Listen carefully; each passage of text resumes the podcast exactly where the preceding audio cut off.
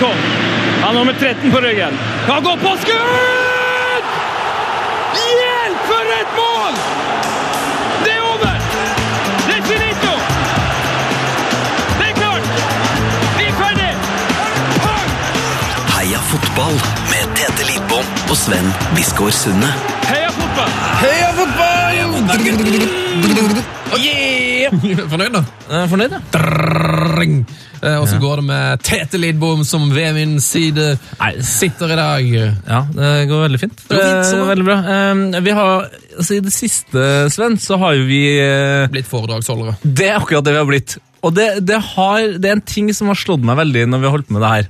For vi, snakker, vi har snakka mye om sosiale medier, Snapchat, og så har vi da snakka om denne kult-followingen vår, Badekarets venner. Eh, Vi har holdt foredrag om Badekarets venner, rett og slett. ja, utrolig, så shout-out til dere. Gratulerer. Eh, men det, det er en flå med Badekarets venner. I hvert fall som, som, som jeg har forstått nå. Og det er at jeg tror ikke det er en altså, Det her høres jo helt feil ut, legger jeg merke til nå, men jeg tror ikke det er en eneste kvinne som har lagt ut eh, et bilde. Det vet vi ikke. Det er jo veldig Nei, det vet vi ikke. Vi Og, får og det, stort sett bare inn fødte når det er ja, og det vil vi fortsatt. Det her er ikke eh, noe sånn at vi vil ha inn noe, noe deiligst.no-greier. Det er ikke det det er snakk om. Det er mer sånn hvis du på en måte er en dame, kanskje du har fargelagt uh, tåneglene f.eks. Sånn at vi, for vi prøver jo å, å, å kartlegge hvor mange damer er det som egentlig hører på det programmet her, og da også er det noen i Badekarets venner. ja, det er flere av dem vi har holdt eh, foredrag til, som har lurt på det her, nemlig. Og det er det verste med å holde foredrag, Sven, det er når du ikke kan svare Ja, på spørsmål. ja. Så er du kvinne eh, og hører på Heia Fotball i badekaret, hvis du er medlem av Badekarets venner, send oss gjerne en snap til P3 Heia Fotball. Ja, og keep it eh, Altså, tenk at det, det Keep skal, it clean! Ja, det skal vises på NRK1, på en måte. Hva ville du ha vist på NRK1? Ja, ikke sant? Yes, nei, det er sant, Vi er foredragsbransjen. Vi er jo stort på vei opp der nå. Ja. Uh, informer om det at Vi tar jo alt av Vi tar jo bryllup, eh, foredrag, events. Events eh, generelt, ja. Men det koster. Det koster, Det ja, det koster skjorta. Du, Nå eh, syns jeg vi skal slutte å fjase og få inn ukas gjest, for det er altså nå Så det er ingenting, ingenting annet interessant fra ditt liv som har skjedd de siste uka? Nei, Jeg har holdt mye foredrag. så det er egentlig det eneste... Jeg har begynt å holde mye foredrag. Så hvis dere vil høre mer om mine foredrag, så ta kontakt. It's, uh, det it's nice to be important, but it's more important to be nice. Oh Heia yes, fotball! heia fotball. Fotball! Skuta! Are you ready? Jeg er så klar. Ukas gjest, Tete, han har vært innom her før. Ja. Eh, Det er en gjest vi gleder oss noe helt utrolig til å høre fortelle fra sine siste ekspedisjoner. Han jobber her i NRK, men han har altså et desperat ønske om å slutte. Eh, Han er kjent som skribent for nettmagasinet Harvest. Ja. Han har egen Wikipedia-profil på to språk. Oi, oi, oi. Eh, Han er tidligere medlem i Oslo-Billa. Eh, Han har bursdag samme dag som USA, og har så vidt jeg vet, en av de aller høyeste seiersprosentene i norsk toppfotball. Ja. Tidligere Ranheim- og Mjøndalen-spiller Michael Stilson, velkommen til oss. Tusen hjertelig takk. Veldig hyggelig å være eh, tilbake. Så bra, veldig hyggelig å ha deg. Hvor ofte vinner laget som Michael Stilson spiller for i Eliteserien? Hvor høy er seiersprosenten din? Nei, Jeg har øh, Jeg vinner vel 60% av øh, kampene. 60% av kampene mens Mjøndalen var oppe uh, i Eliteserien, som du var involvert i, Ja, de- ble seier. Ja, helt riktig. Og, og Mjøndalen hadde Jeg hadde tre seire, de hadde fire. Så, så, så man kan jo altså, Det er jo det folk gjør, lese i tall. Eh, så hvis, hvis Vegard Hansen for eksempel, hadde lest litt mer i tall eh, mens det her pågikk, så hadde han spilt deg oftere, og så hadde Mjøndalen holdt seg. Ja, men det, det er jo en helt korrekt Det er jo innlysende.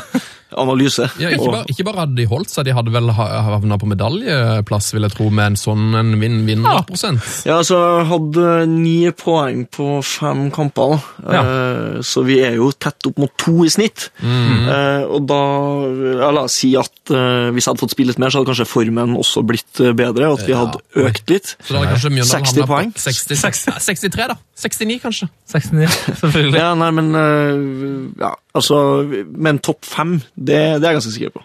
Hvordan var det i fjor da på tabellen? Kan ikke du finne fram den eh, og finne ut hvor langt du hadde Og sånn, ja, ja, ja. Hvor høyt hadde Mjøndalen kommet med 63 poeng, for eksempel? da? Mm, ja, hadde, nok gått skal... høyt. hadde nok gått høyt. Uh, Michael, Um, det, jeg lurer litt på, for selv om du gjorde det ekstremt bra i Mjøndalen, så fikk du ikke du fikk jo ikke fornya kontrakt. Du fikk jo ikke lov til å være der noe mer. Så jeg lurer på, Hvordan var det å få den beskjeden om at ikke du fikk være i Mjøndalen mer? Eh, den var, eh, for å være helt ærlig, venta.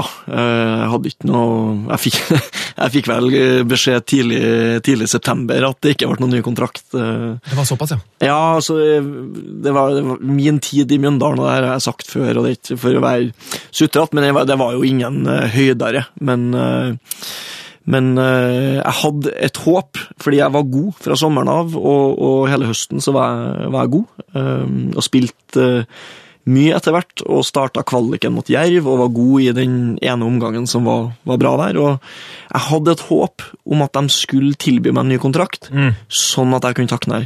Altså, det var litt sånn...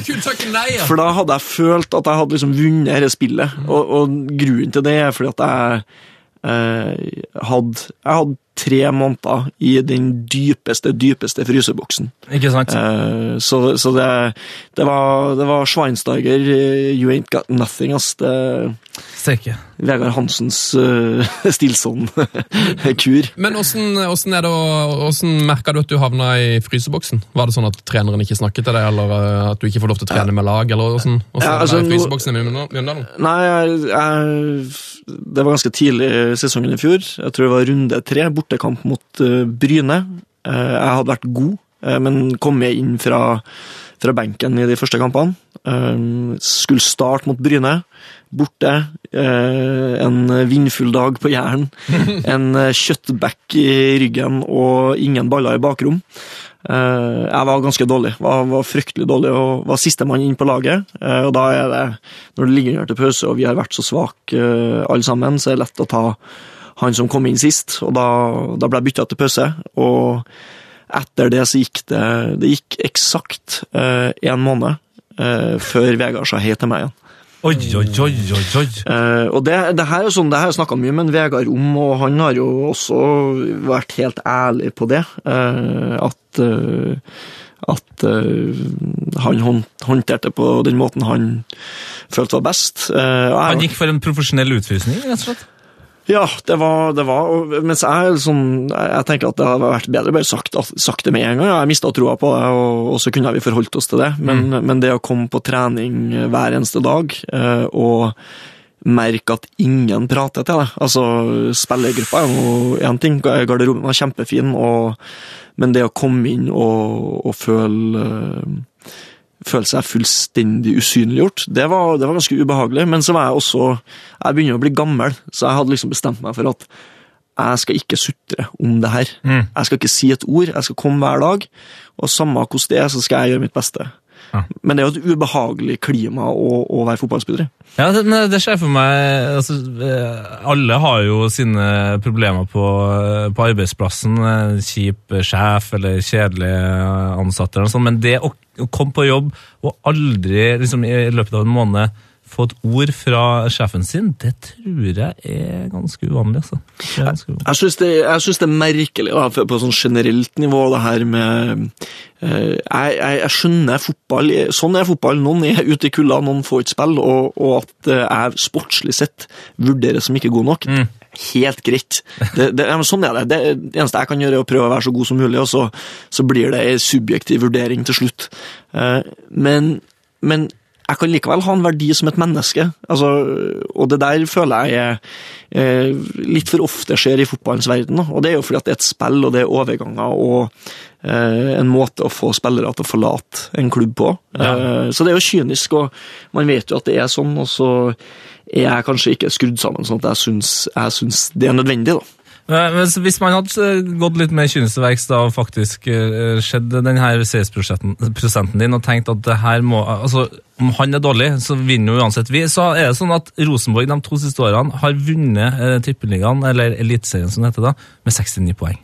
Eh, så, så dere hadde jo vært eh, opp der og hedda ja, altså, på sølvplass. Eh, I fjor så tror jeg det var noe sånt som eh, ja, skal se, Andreplassen hadde 54 poeng. Solid sølv i fjor, da. Solid. Ja, det her er jo det er utrolig godt å høre, da.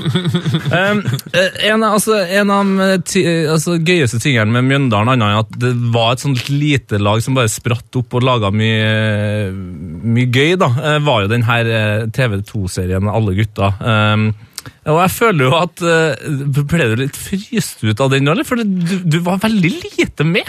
Altså, Her har jeg jo tatt en uh, særdeles uh, alvorlig alvorsprat med en Thomas Aune om. Ja, For det er han som var med å produsere Ja, han og Mathias Skarpaas var vel liksom regissører da, for, Mm. for serien. og og jeg var jo involvert en del, ikke sant? Eh, Den her osteepisoden med Vegard Hansen, Ja, som, som var helt uh, episk. Uh, der var jo jeg helt sentral. Uh, og burde, jeg føler at det, det burde vært en hel episode via til Ostegate, som vi kaller det. Eh, det var utrolig skuffende at, at den ikke ble med. Mm. Eh, og, så, og så var det en plan om at eh, jeg skulle ta med meg en Kristian Gauseth på birøkting oppe i Maridalen i Oslo.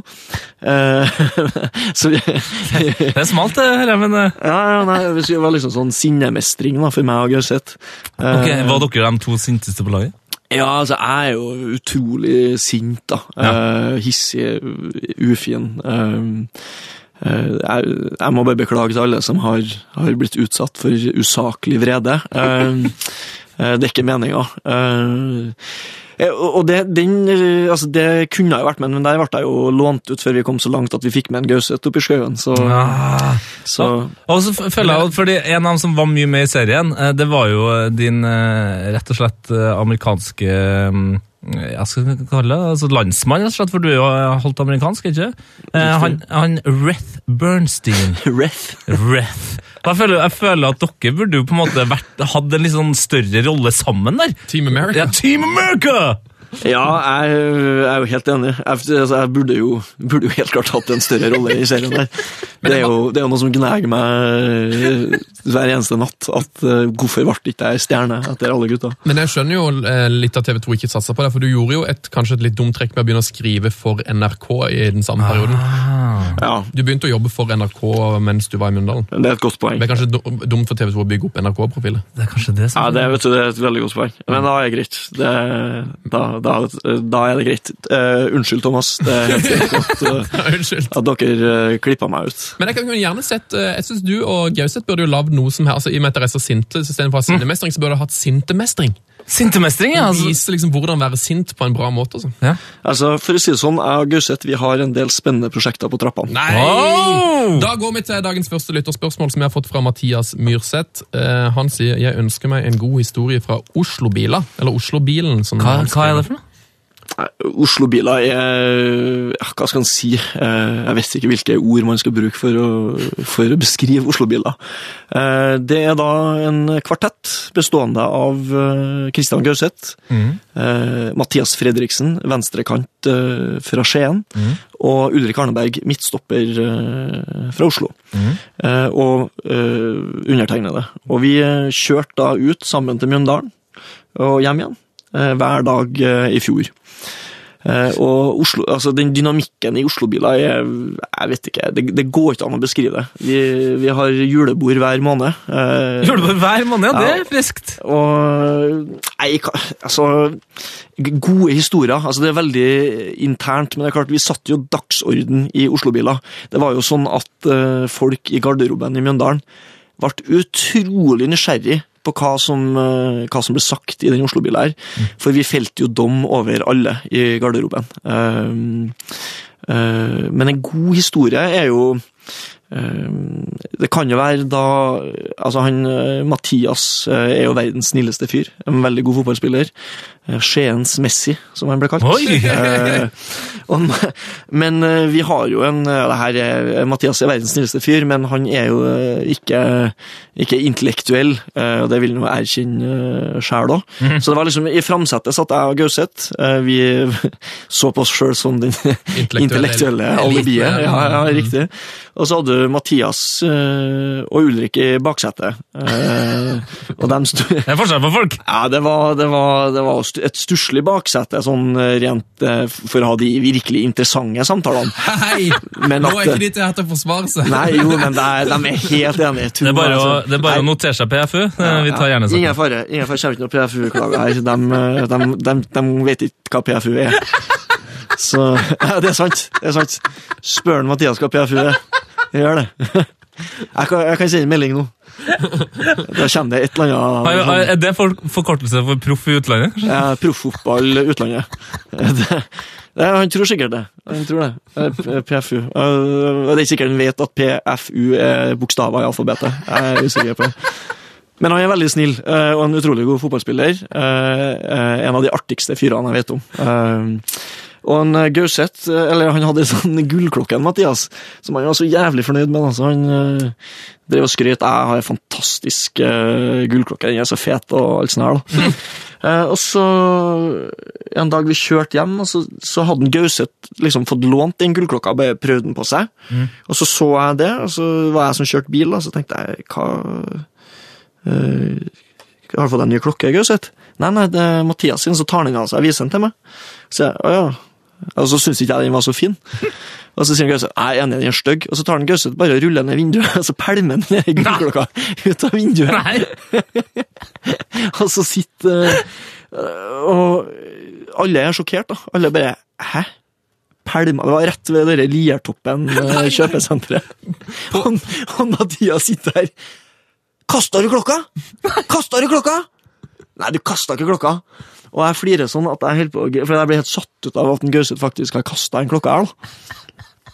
Og så har vi sånn møtepunkt da, hvor vi liksom slipper av folk, og så skal jeg og Mathias kjøre videre, for vi skal ha samme sted, og så sitter Mathias sånn Kasta Gauseth klokka? Er det sant? Kasta han klokka? Og han er, han er helt syka, da. Han, han trodde egentlig det var kødd, han? eller? Ja, Først så trodde han det var kødd, Ja. og så går det opp for ham at det er sant. Men det alle vi i Oslo-biler vet, er jo at det er kødd. Ah, nydelig! Så Gauseth har jo den klokka der, vet du. Eh, og så begynner Gauseth å liksom bare si at det er ikke så farlig, og Mathias det, det, det er det sjukeste noen har gjort noensinne. Det er pælmer klokke. Hvem som gjør det? liksom Kaster noen andre sine ting ut av vinduet? Det er jo helt sjukt. Altså, Vi spiller jo bare med. Ja, helt sjukt, faen, Gauseth. Du må erstatte den klokka her, liksom. Og så begynner jo Gauseth å- liksom, å søke på Finn da, etter tilsvarende klokke. Når den går bevisst inn for å finne stygge gullklokker som liksom ikke er den samme modellen. Og så drar det så langt at han faktisk kjøper ei sånn dameklokke fra samme merke, som han gir til Mathias. da. Og Mathias han klikker jo i vinkel. Han er så sur, og det er liksom, det er ei uke det her pågår. da. Hvor det er, det er sånn at Mathias ikke har lyst til å sitte på i Oslo-biler. Han har lyst til å ta toget, liksom. Eh, før eh, Gauseth eh, da avslører spøken, og eh, Mathias blir jo ekstremt letta. Én ting for klokka, men også fordi at eh, Gauseth viste seg å være ikke helt idiot, som han trodde. da. Det der, men det, der, det er sånne historier som gjør at uh, jeg tenker at altså, akkurat da må det jo være helt fantastisk å være fotballspiller. Når man har de her klikkene, når man har dere, det der eh, tøysespråket som bare går utover uh, egentlig alt som er fornuftig. Ja, ja, nei, det er det, det, det, Altså, garderoben i Mjøndalen og alt sånt, det var jo det som Det var jo fett å dra på trening av Oslo-biler. mm. Og pga. på grunn av garderoben, selv om du visste at uh, jeg kom til å spille eh, ytre steinplukker på lilla lag, liksom, på trening. Så Jeg, sø- jeg, jeg søkte opp uh, Mathias Myrseth på, på Google, her, og det dukka opp et, uh, et interessant bilde. det her, altså, det, det er han som stilte spørsmålet du har søkt opp. Eh, Ja, altså jeg søkte opp Mathias Myrseth, ja, som stilte spørsmålet. Eh, og han har da altså vunnet Magiske skuddet. Gavesjekk på komplett eh, arena på Sandefjord. Hva, hva er Wow! Magiske skuddet? Det er sikkert sånn der å treffe tverra i, i pausen og vinne en tur til Gran Canaria. Eller, Ja, det er en vinner, han òg. Det var en utrolig kul tittel på en tverrliggerkonkurranse i stedet. Magiske skuddet. Ja, Får ikke håpe det var heroin, da. Eh, fått et lytterspørsmål til fra Halvard Lindstad. og Halvard har kanskje hørt på vår favorittpodkast Wildcard FC, hvor de er opp, utrolig opptatt av kjekke spillere. For Halvard spør hvem er den kjekkeste spilleren du har spilt med? Eller prøvespilt med. Eh, jeg, eh, det er vanskelig. Det er utrolig mange eh, kjekke, kjekke fotballspillere. Altså. Veldig I Mjøndalen så var jo Sikkert fornuftig å svare Gauseth. Ja, Christian. Ja, Gauseth er jo kjekk. Han, er kjekk. han var dritstygg på håret, helt til jeg overbeviste Gå tilbake og søk på hvordan så ut den tippeligasesongen. Altså, det er forferdelig sveis. Sånn, sånn barnslig hanekamaktig Bare For en mann over 30 år så var det ikke bra. ja, altså, ja der, ja. Ja, så, jeg, nei. så jeg drev og pusha han til liksom Du må gjennom den vonde fasen. Du må la håret gro langt nok til at du kan få en skikkelig sånn eh, barbershop til, til å se på det her. Mm. Eh, og da, da oppdaga vi eh, Pels Pels, som nå er Oslo-Bilas eh, faste friseringssted i Oslo. Pels, pels. Ja, Der var vi lenge til Janketic fra Serbia. Mm. Jeg vet at Gauseth bruker en Franklin Vargas nå. Eh, Men han har jo blitt så utrolig fin på håret nå, Eh, så Gauseth har virkelig gått gjennom eh, en forandring. Fra å være en ganske håpløs eh, altså, Han har jo et eh, kjekt ansikt, men eh, håret var jo helt krise. Men det er ikke Gauseth. Jeg vil si I Mjøndalen så var jo Lars Fure jo, Han har jo de her brasilianske genene. Han var jo lenge ansett av hele laget egentlig som den kjekkeste i Mjøndalen. Oi, ja, oi, oi, oi. Han har fått utrolig mye skryt òg, for å være kjekk. Ekstremt sånn tjukk manke òg. Ja, og, eh, Men så har vi også en tidligere Mjøndalen-spiller som spiller i Sarpsborg nå, Morten Sundli. Eh, som jo for all del han ser- ut som en gresk gud, men han, er jo, han heter jo Maskina på, på Instagram. Men, eh, eh, men en Mort, det som liksom trekker litt ned på Morten, er at han sjøl visste at han var verdens kjekkeste fyr. Ja. Så blant annet da han fridde til kjæresten sin, hun herre Funky-Gine eh, ja, kjent eh, fitness-treningsblogger. han fridde til hun.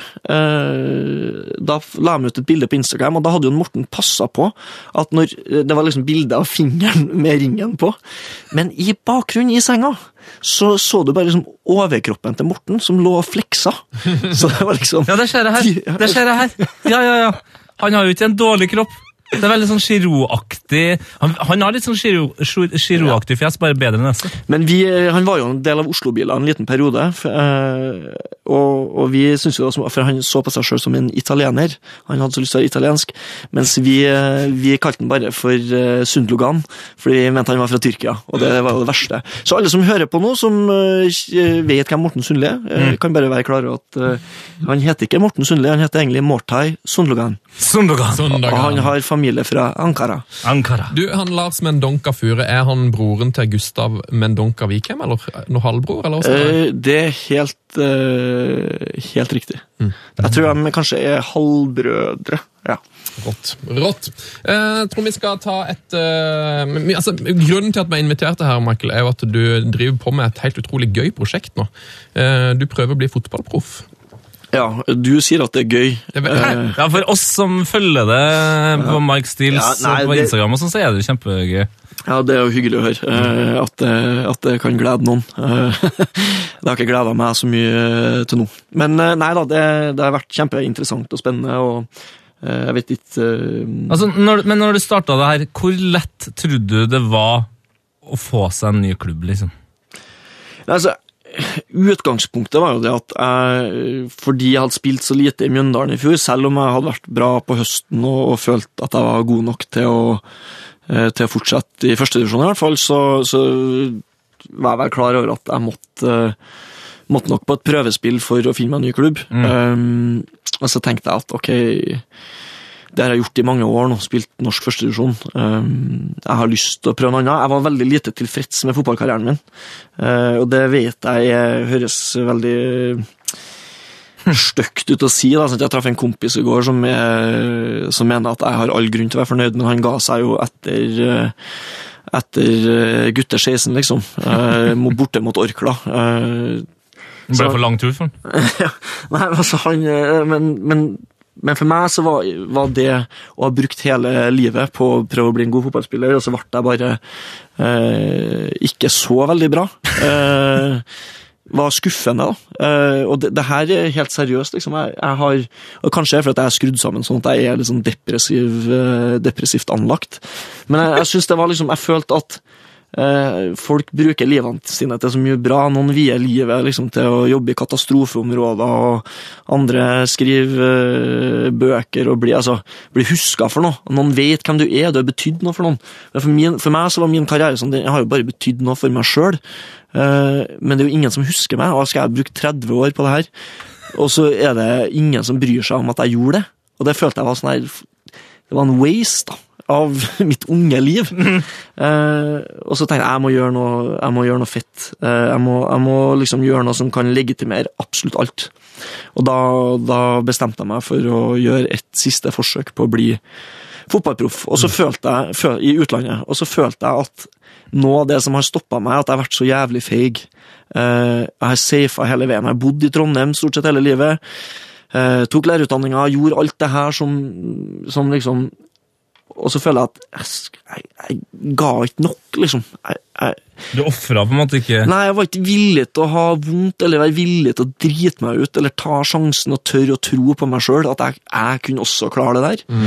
Uh, og at det Og så kan du si ja, men talentet var kanskje ikke stort nok, og det var det helt sikkert ikke, men, men det var noen følelser jeg hadde, og da tenkte jeg at jeg, klar, jeg kan ikke gi meg med fotball før jeg har i hvert fall utfordra meg sjøl på den der feigheten der. Mm -hmm. Jeg kan bare si til de som ikke har hørt om prosjektet, at eh, hvis man går inn på nrk.no sport, eh, eller bare søker på Michael Stilson NRK, egentlig, så kommer det opp en del. Du har, du har blogga en del og lagd litt video. og eh, på en måte lagd ganske mye innhold om, om, hele prosjektet, så jeg anbefaler folk også å gå inn der og kikke og lese hvis de har lyst til å sjekke ut mer. Men når du da på en måte gikk inn for det her for å bli proff, hvor, hvor, begynner man da? Vi det liksom Utlandet var målet. Hadde du sett ut noen liga du ville, som du tenkte det var en mulighet for å komme til? Ja, altså, jeg tenkte jo Umiddelbart så tenker man at de, de store fotballnasjonene er vanskelig å, å, komme seg inn i. Mm. Eh, det var også et poeng, eh, det her med at uh, engelsktalende land, uh, også Skandinavia, hvor man, kulturen er veldig lik, eh, og det, det, er lettere å kanskje komme inn i det, skulle man holde seg litt unna. fordi jeg hadde lyst til å oppleve noe annet. Uh, og det var også det perspektivet med de utenlandske spillerne. De afrikanerne som kommer til norsk fotball midt på vinteren og må prøvespill. Eh, og det å, å, faktisk forlate alt for å bli fotballproff. eh, Sette seg litt i deres situasjon? Rikt, på en måte. Ja, ikke sant. Og, og i stedet for å snakke med han som har vært her og var på det prøvespillet, om hvordan det var, så snu perspektivet og dra ut sjøl og kjenne på kroppen mm. hvordan det er. Eh, og det, det var liksom tanken, og så da begynte jeg å se ut ifra der jeg trodde jeg kunne finne noen innganger gjennom folk jeg visste av eller kjente. Ja, for det, det, det er vel litt, faktisk litt veien å gå i fotballen. At det er mye sånn venneanbefalinger, og at det er kanskje, kanskje lett å få et prøvespill hvis du kjenner en som har spilt i en klubb, eller altså at du, du kjenner en agent som har kontakt inn i en klubb. og sånn. Er ikke det veldig ofte den enkleste måten å komme seg ut? Nei, altså, jeg, jeg trodde det. Jeg trodde det var, var, sånn, men så er det, det, det er ikke så lett. For det første så, så er det noe med timinga på det. at Jeg starter opp 5. januar med å skal gjøre det her. Eh, hva er det som skjer 5. januar? Jo, da er vintervinduet åpent, og det er fullt kjør for alle agenter med å få sine spillere mm. til nye klubber. Mm. Så det, det, er ikke lett å få seg en agent midt i vinduet? Nei, nei, nei. Og så har du statsa mine fra Mjøndalen i fjor, hvis du bare ser på tallene, mm. altså på antall spilte minutter, antall kamper, uh, alt sånt der, så er det, det er jo ikke bra. Jeg hadde ikke villet signert meg hvis jeg hadde sett på de tallene. Uh, og det er så utrolig mange spillere. Husk på Mjøndalen. Jeg snakka med Kenneth Karlsen, som er sportslig leder i Mjøndalen. Mm. Han får 2500 henvendelser på spillere hvert år Hæ? til Mjøndalen. Mailer, telefoner, meldinger. Alt. Det er jo helt sjukt. Uh, av de så ser de kanskje nærmere på 25, altså 1 av de så er det kanskje 1 eh, som eh, eh, For prøvespill, liksom? Får prøvespill, eller unnskyld, 10% av de. Mm. Så du snakker liksom om eh, to og en halv spillere da, av 2500 som får komme og vise seg fram. Mm. Eh, I Mjøndalen. I norsk førstedivisjon. og da liksom begynner jeg å tenke Bildet er jo så stort. Det, jeg tror det er rundt 300 millioner fotballspillere på verdensbasis.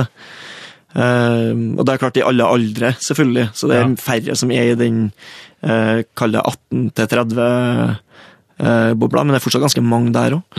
Ja, for du, litt, du var nesten litt for gammel, du er 29. Ja, ja, og det er også en, en faktor. Sant? Da jeg dro til Færøyene, så, så er de jo veldig opptatt av hvorfor vil en 29 år gammel nordmann komme til Færøyene for å spille fotball. Hvorfor skal vi bruke ressurser på det? Hva, hva er du villig til å legge igjen her? Eh, flere og flere, altså Gibraltar de er opptatt av, eh, av hvordan skal du tjene penger på en spiller. Ja, fordi det, det de her mindre landene eh, på en måte satser på, er å få tak i en, et talent som de kan selge videre, og via videresalg langt i framtida tjene penger på det. Det er mitt eh, soleklare inntrykk at mer og mer, i hvert fall de mindre landene, tenker på, altså har et veldig tydelig businessperspektiv på det.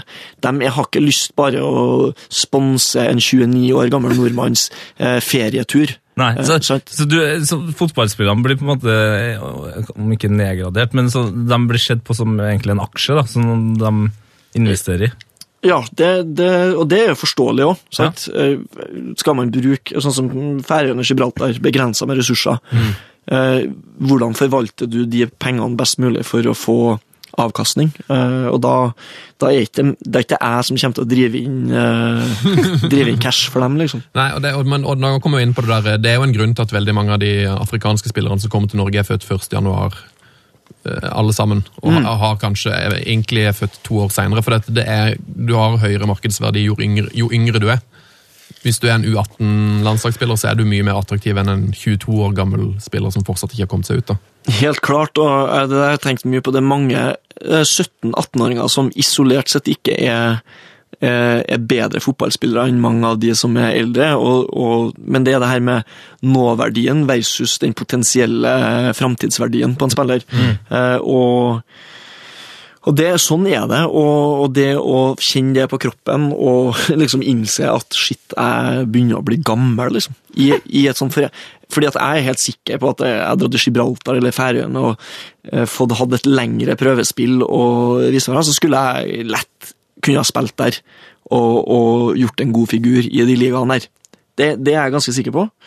Eh, men men øh, det er altså det her med hva får dem igjen for det. Um, og det, det er jo Jeg synes jo det der er, det sier mye om fotballen. Da. Det er et interessant aspekt ved spillelogistikk og hvorfor mye av det vi leser om i Premier League-ryktespaltene alt sånt skjer. da.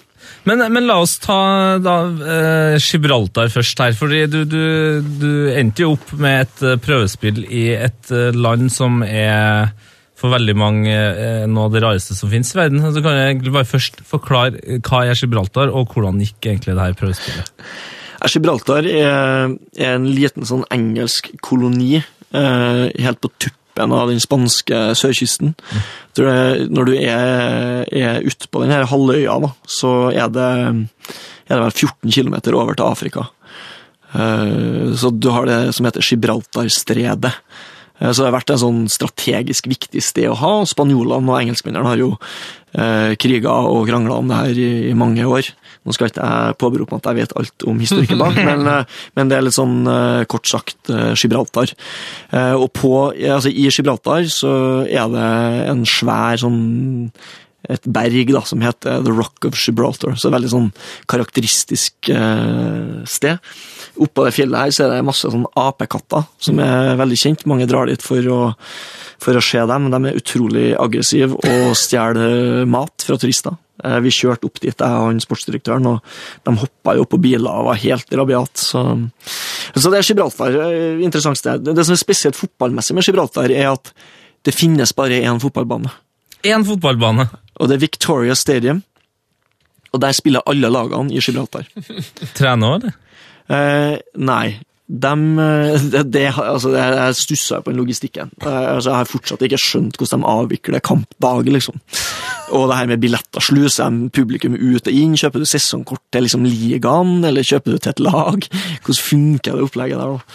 Eh, men eh, det er ti lag i den øverste divisjonen, og ni lag i deres Obos. Så det er 19 lag eh, fordelt på et land, altså et land der det bor 30 000 mennesker? Ja, og 19 lag! Og som vi har om, eller nevnt før, da, til så har de jo også cupen. eh, De har en cup òg. The Rock Cup. Ja. Ja. Så eh, det er, det er et veldig spesielt sted. Så jeg kom, jeg kom ned dit, fikk kontakt via en eh, en eh, fyr som heter Thomas uh, Jørlihagen, som eh, jobber litt som scout eh, for et britisk agentfirma, eh, som hadde noen kontakter Gibraltar. Ville bare hjelpe meg. Veldig hyggelig fyr. Han uh, satte meg i kontakt med han sportsdirektøren for denne klubben, Mons Kalpe.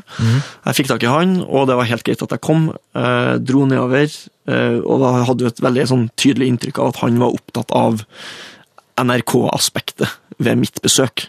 Eh, Her kommer det Altså en fyr- Ja, her, her kommer det en fyr med et eh, videokamera som kan vise fram Mons Kalpe til verden. han så markedspotensialet uh, i det, da.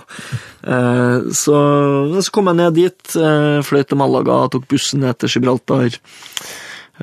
og ja, møtte han sportsdirektøren, hadde en veldig fin kjøretur med han første kvelden før treninga var avlyst. Vi var jo en veldig spesiell fyr, veldig oppjaga, hadde mye han skulle gjøre, stressa.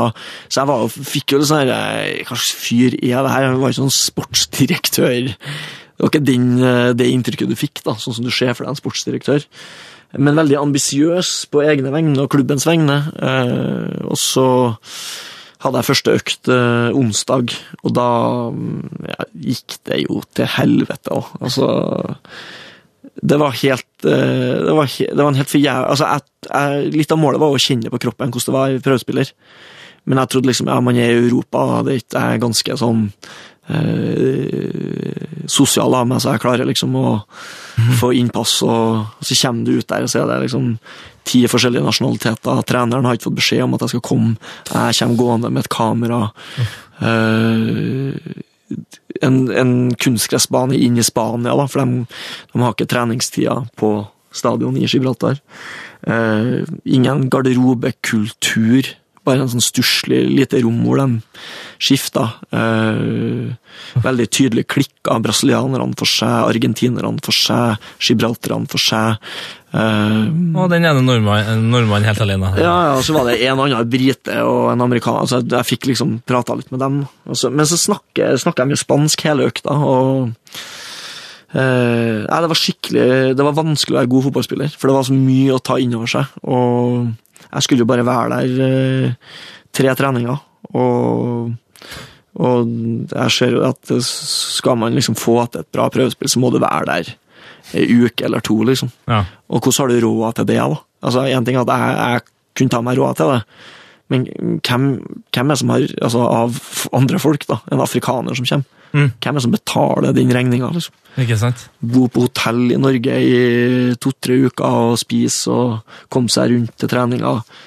Det, det er sånn, det, det er en verden jeg ikke helt forstår. da. Lukter men menneskehandel eh, Lang vei. lang vei her. Eh, bare at de som styrer på en måte mannekengene, er agent, fotballagenter og ikke Ja, det, du, du, det var det jeg så, eller følte, da. Det er mulig jeg overdriver at det var At det, at det er litt for dramatisk anlagt, så jeg liksom bygger det opp til noe verre enn det er. Men, men jeg fikk liksom følelsen av å være bare en liten, bitte liten brikke i et ganske stort spill. Um, Men, men så møtte du en fyr på Gibraltar som hadde blitt kasta ut av leiligheten sin, eh, som klubben eh, på en måte eide? Ja, han hadde reist fra USA. eh, skulle først til en fransk league 1-klubb. Mhm.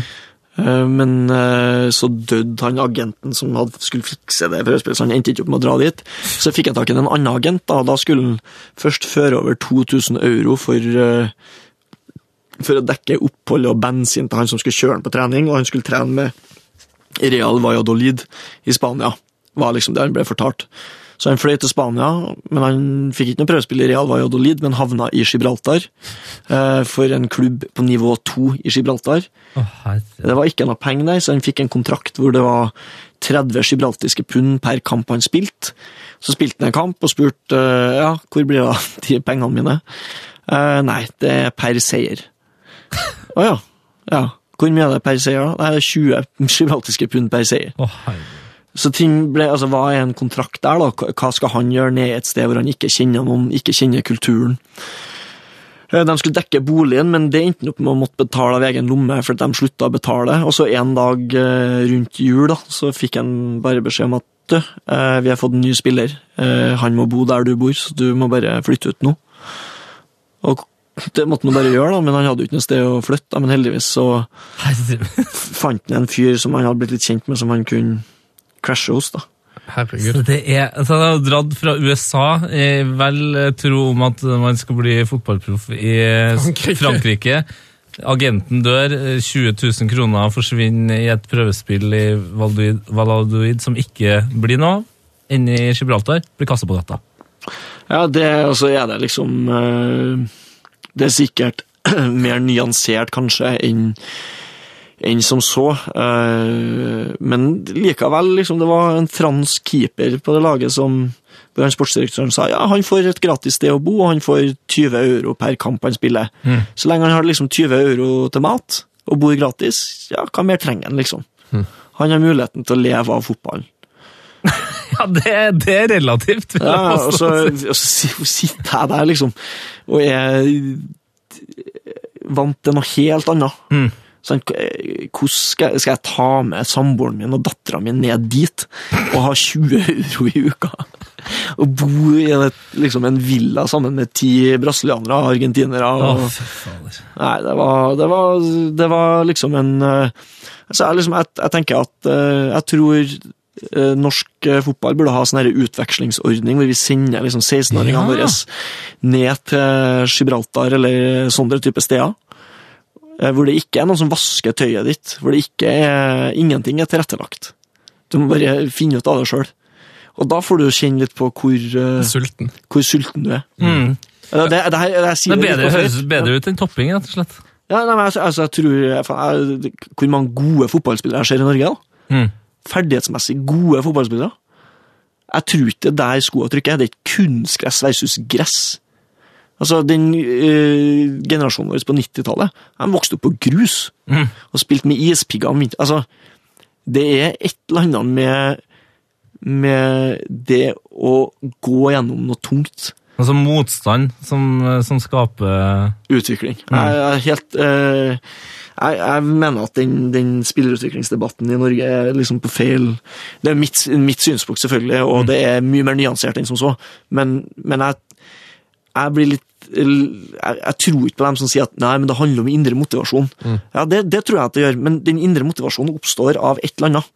Og når alt er servert og ligger der klart for deg, så gjør det et eller annet med for de aller fleste av oss. Og så er det unntak. Det finnes en, en håndfull spillere i Norge også, som har en helt sinnssyk drivkraft, selv om de vokste opp i et møblert hjem og øh, vet at de er sikra uansett hva som skjer med fotballkarrieren. Så det er ikke det jeg sier, men jeg sier at for de aller fleste så tror jeg det gjør noe med den der galskapen og viljen til å bryte gjennom det vonde. Da. Eh, Du, tro, du sier at det var masse argentinere og brasilianere på Gibraltar. Det overrasker meg noe helt utrolig. Jeg trodde at det var, liksom, at det var en helt sånn jalla-liga med bare lokale spillere og ekstremt lavt nivå. Men hvorfor hadde disse argentinerne endt opp i, i Gibraltar, og hvor gode var de? Nei, altså det, det var jo ene bildet jeg tok og, og la ut på Insta av han her Hugo Colache, som var kaptein for Argentina sitt U20-landslag i 2003. Da var han kaptein foran Carlos Tevez og Javier Mascherano. Så, så når du la ut bilde av han, så, så, var, så ble Tevez den best betalte fotballspilleren i verden, mens han spilte i Gibraltar sammen med deg. Ja. Så, så, spurte han og sa hva skjedde? Så sa han Yeah, I it's a very good question. it's a very good question. så, så sa han det liksom, det var, han hadde muligheten til å gå til en Serie A-klubb Mm. etter U20-VM. Stor interesse. Sant? Fjerdeplass i U20-VM. Han var kaptein. Uh, men agenten hans fikk mer penger hvis han signerte for Newells Old Boys i Argentina. Der visste han jo ikke på det tidspunktet, så han tenkte jo det var et karrieremessig godt råd. Vent med å dra til Europa. Men pengene for han hadde vært like bra i Italia som de var i Argentina. Det var agenten Det var som agenten som, som uh, dytta han i den retninga. Eh, og så gikk det noe som det gikk, og, der, og derfra og ut så er jo fotball for veldig mange tilfeldig. Mm. Det er den ene kampen eller den ene kontrakten eller den ene sesongen som kan avgjøre en hel karriere. Herregud. Det er mye tilfeldigheter. Mm, du har vært innom her før, eh, Michael. Eh, og jeg vil bare lure på om det, bare høre om det har skjedd noe psykisk med ditt uh, forhold til, um, til prøvespillere. For når du var innom her sist, så hadde du en veldig, hadde du en veldig komfortabel hverdag på, i Obos-ligaen i Norge. Du kunne vel nesten mer eller mindre leve av å spille fotball, og så lagde du et drømmelag der du ja, Vi må vel være så, fre, så freske å si at vi gjorde litt narr av prøvespillere som hadde vært Ja, det var, som du hadde møtt på din vei. det var grov harselering, ass. Det var ikke bra. Men Du skal høre en historie som du fortalte da, så må vi bare se om det har skjedd noe med ditt syn på prøvespillere siden da. Så kan vi gå til høyrebacken. Der har jeg valgt en ganske kreativ type. Det er eh, Heraldo fra Brasil. Oi. Heraldo var på prøvespill i Strindheim i 2006. Eh, og han hadde visstnok spilt på samme lag med Kaká. Det var liksom Heraldo og Kaká på eh, ungdomslaget i Brasil. Store forventninger. Han hadde vært og trent med Rosenborg junior tidligere. Kåre Ingebrigtsen var juniortrener på det tidspunktet. Eh, han kom på Strindheim-trening, og det, det var et makkverk, altså. Men det var fascinerende, for alle pasningene han slo, var chip-pasninger. altså, den mannen slo ikke innsidepasning. Det var chipping. Jeg spilte fire mot fire, jeg husker jeg var på lag, men han fulgte ikke mann én gang. Og så ble du så frustrert at bare Heraldo, you have to follow your guy. In Brazil we play the floating. We play the floating. Og det er liksom det jeg husker av han. Og så kom vi etterpå til han sportslige lederen og sa vi kan ikke ha sånne folk på trening. Og så husker jeg bare han sportslige lederen sa ja, ja, men han er jo veldig bra i engelsk, da. så han var god i engelsk var være brasiliansk. Det var Heraldo the Chipper. Nei, det er jo eh, Men nå har du blitt prøvespiller sjøl. ja, Det var en av dem som var på, på det prøvespillerlaget, venstrebacken. Ja. Han skrev jo til meg da, da her i januar eh, eh, Om det var et eller annet i eh, duren av Karma's a bitch. Eh, og det er, jo, det er jo så sant. Det, jeg vil benytte anledningen til å beklage til alle elleve mann på prøvespiller XI. Eh, jeg har nå inntatt eh, eh, elveren sjæl. Ja, for det sitter vel sikkert noen eh, nå på Gibraltar og bare husker der han nordmannen som var innom her. Med det, Kommer kamera som, ikke kunne, som ikke kunne spansk og Jeg har prøvd å finne Gibraltisk P3 og skjønner de har en, eh, en søsterpodkast som eh, vi skal, jeg leite, opp. vi skal leite i arkivet. Eh, Før vi forlater Gibraltar og går videre til, til Færøyene, så er det bare sånn Jeg må bare nevne noen av lagnavnene i, i, i gibraltisk fotball. Altså, du, du har På førsteplass da, så har du Lincoln Red Imps. Relativt ok. Andreplass så har du Europa. Så har du Mons Kalpe, som du har spilt på. Det er jo greit. eh, Og Gibraltar United og Lynx. Og så har du Manchester 62, som er ganske interessant. Og Europapoint, Europa Point, som ligger nederst. I andredivisjon, derimot, der har du Bocca Juniors, Cannons, Brunos Magpies, College 1975, uh, Hound Dogs, Leo FC og Angels. Altså, Nei, jeg, jeg må si at Han som var fysioterapeut for Mons Kalpe, han var en av grunnleggerne av Bocca Juniors i Gibraltar. Og han, det, var, det var utrolig festlig. Han fortalte at de fikk så sinnssykt mye henvendelser fra argentinsk media som ville komme og lage sak på Bocca Juniors i Gibraltar. Genialt! Og, og, og de fikk jo masse pressedekning. Og etter hvert så fikk de jo sinnssykt mye henvendelser fra spillere som ville komme og spille for, eh, for Bocca Juniors. ja, ja, ja. Eh, Men det, grunnen til at Bocca Juniors altså det er et navn de har tatt, vet dere hva det er? Nei. Den første spilleren som skåra mål i argentinsk toppserie Ja. ever, sånn 100 år siden, Han var fra Gibraltar. han var fra Gibraltar. Nei! Og han skåra for Bocca Juniors. Nei, det er gøy. Det er gøy. Fantastisk. Jeg, jeg, prøver, altså, jeg prøver å finne ut der hvorfor det er et lag som heter eh, Brunos Magpies, men det står ikke på Wikipedia deres. Fordi det, selvfølgelig, de har eh, Wikipedia, og bare det, altså, det er et lag som heter Hound Dogs. Hound Dogs. Ja, Brunos Magpies høres ut som en eller annen bar, bareier som har starta et, et lag i sitt navn. Ja, det er sånn et slags Men det der er bare sånn at apropos det jeg sa om uh, komfortnivået i norsk fotball, så er jo det et problem for gibraltisk fotball er jo at Gibraltar som en koloni og veldig få innbyggere, så er de utrolig godt tatt vare på. Et veldig sterkt sikkerhetsnett. Det vil si at du er sikra jobb, du er sikra bolig, Eh, Du trenger ikke å tenke på noe, egentlig. Du trenger ikke være bekymra for framtida di når du er gibraltar, hvis du har gibraltisk pass. Og Det sier de er et kjempeproblem for utviklinga av unge spillere, fordi at spillerne er ikke villige til å gjøre det som kreves for å bli. Nei.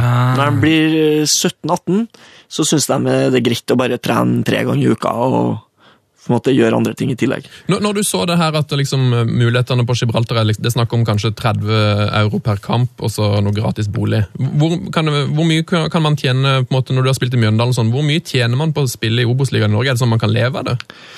Jeg tjente, eh, Som Obos-ligaspiller i Mjøndalen så tjente jeg 20 000 kroner i måneden. Ja, så, Så Før, før skatt? Før skatt, brutto. ja, ok, altså da, ja. Så det, er, det var definert i kontrakten min som er 80% stilling. Det er klart Du bruker mye tid på det, fordi at én ting er treningstimene og transport, og sånn, men det er jo eh, alt av forberedelser, alt du ikke kan gjøre òg, på et vis, som er en del av jobben. Eh, og så er det forskjeller i Mjøndalen, selvfølgelig. Da jeg spilte i Tippeligaen for Mjøndalen, så hadde jeg 27 000 i, i måneden. Så litt over 300 000 i året. Så- Eh, Så, Ja. så, sånn sett så er jo antageligvis et prøvespill i Mjøndalen økonomisk attraktivt da, for disse her på Gibraltar. Helt klart. Eh, og, og det er jo også et, Du spurte hvorfor er det argentinere og Yes. eh, de guttene her. Og da er det jo bare se på Gibraltar, se på navnene på lagene, og så vet du at det er potensielt tre av de lagene, av de ti i den øverste divisjonen, som kan få kvalik til Europaliga og Champions League. Det er helt Og da er det, er det jo så enkelt som at kommer du deg inn dit og får en europaligakvalik på CV-en, kanskje du møter et stort lag, eller et, et, et lag fra en bedre liga med litt mer penger, og du gjør det godt i den kampen, ja, kanskje det åpner seg ei dør der. Eh, og det er, det er motivasjonen til veldig mange av de som er der. Så det er folk som, som, som på litt sånn langrennsløperaktig vis på en måte spisser sikkert formen sin til denne eh, europakvaliken og bare gir alt i de 90 minuttene og håper da på å havne kanskje i polsk eller ukrainsk eller Ja. skotsk liga eller norsk liga. Liksom. Ja, det er utrolig ja, det, det var det soleklare inntrykket mitt, var at det var motivasjonen for mange. Eh, Du er jo litt over halvveis i prosjektet ditt nå, eller kanskje begynner å nærme seg slutten. og du, Jeg vet du har vært på prøvespill på Færøyene, men ha, hvilke andre destinasjoner er det liksom som har vært aktuelle? Nei, altså, Iran var jo ja. in play. Eh, det var av keeperen vi hadde i Mjøndalen, Sosha. Mm. der var jeg i kontakt med en agent. Han spurte hvor høy jeg var i samtalen, og da tenkte jeg at ok, her, ble, her blir det ikke prøvespill i Iran. Så han tenkte liksom ok, norsk spiller, vi vil ha en høy, Ja, svær dude. ja, jeg liksom. tr- tror det er opptatt av fysikk, liksom. Um, Hvor høy er du? jeg er 1,73 på sesjon. ja, ikke sant? Hvor mye veier du? Uh, hva veier jeg nå? Nei, Jeg veier mellom 67 og 69 kilo. Det er Sånn. en kasse med brus. En kassebrus, ja. Uh, nei, altså Iran, ja. Altså så eh, Uruguay har jo vært in play. Eh, jeg har, jo fortsatt kontakt med Terje Liverød. Eh, eh, Maradona-vennen ja. og agentlegenden Terje Liverød. ja, veldig, veldig interessant eh, fyr. Mange interessante perspektiver. Eh, det er et eller annet med folk som har vært utafor Norge og sett fotballens verden fra en annen, et annet perspektiv. Ja. Eh, Så det var veldig interessant, uavhengig av om det blir et prøvespill i Uruguay eller ikke. Var det Eh, han som på alle, alle, alle mulige måter fraråda deg å, dra på prøvespill til Afrika? Nei, det var Stig Torbjørnsen. Det var det, Stig Torbjørnsen. Ja, ja, så Afrika var jeg jo litt sugen på bare stikke til òg. Ja, du gjør det rett og slett omvendt, ja, fra dem som Ja, ja, øh, men der var det liksom Det var øh, For de som har sett det, så var det jo Det var ikke Det, det var ikke tenkt tanken engang. Det var beskjeden. Uh, USA har vært litt aktuelt, men det var det, igjen det med engelsk, så jeg følte at det var, det var ikke så interessant.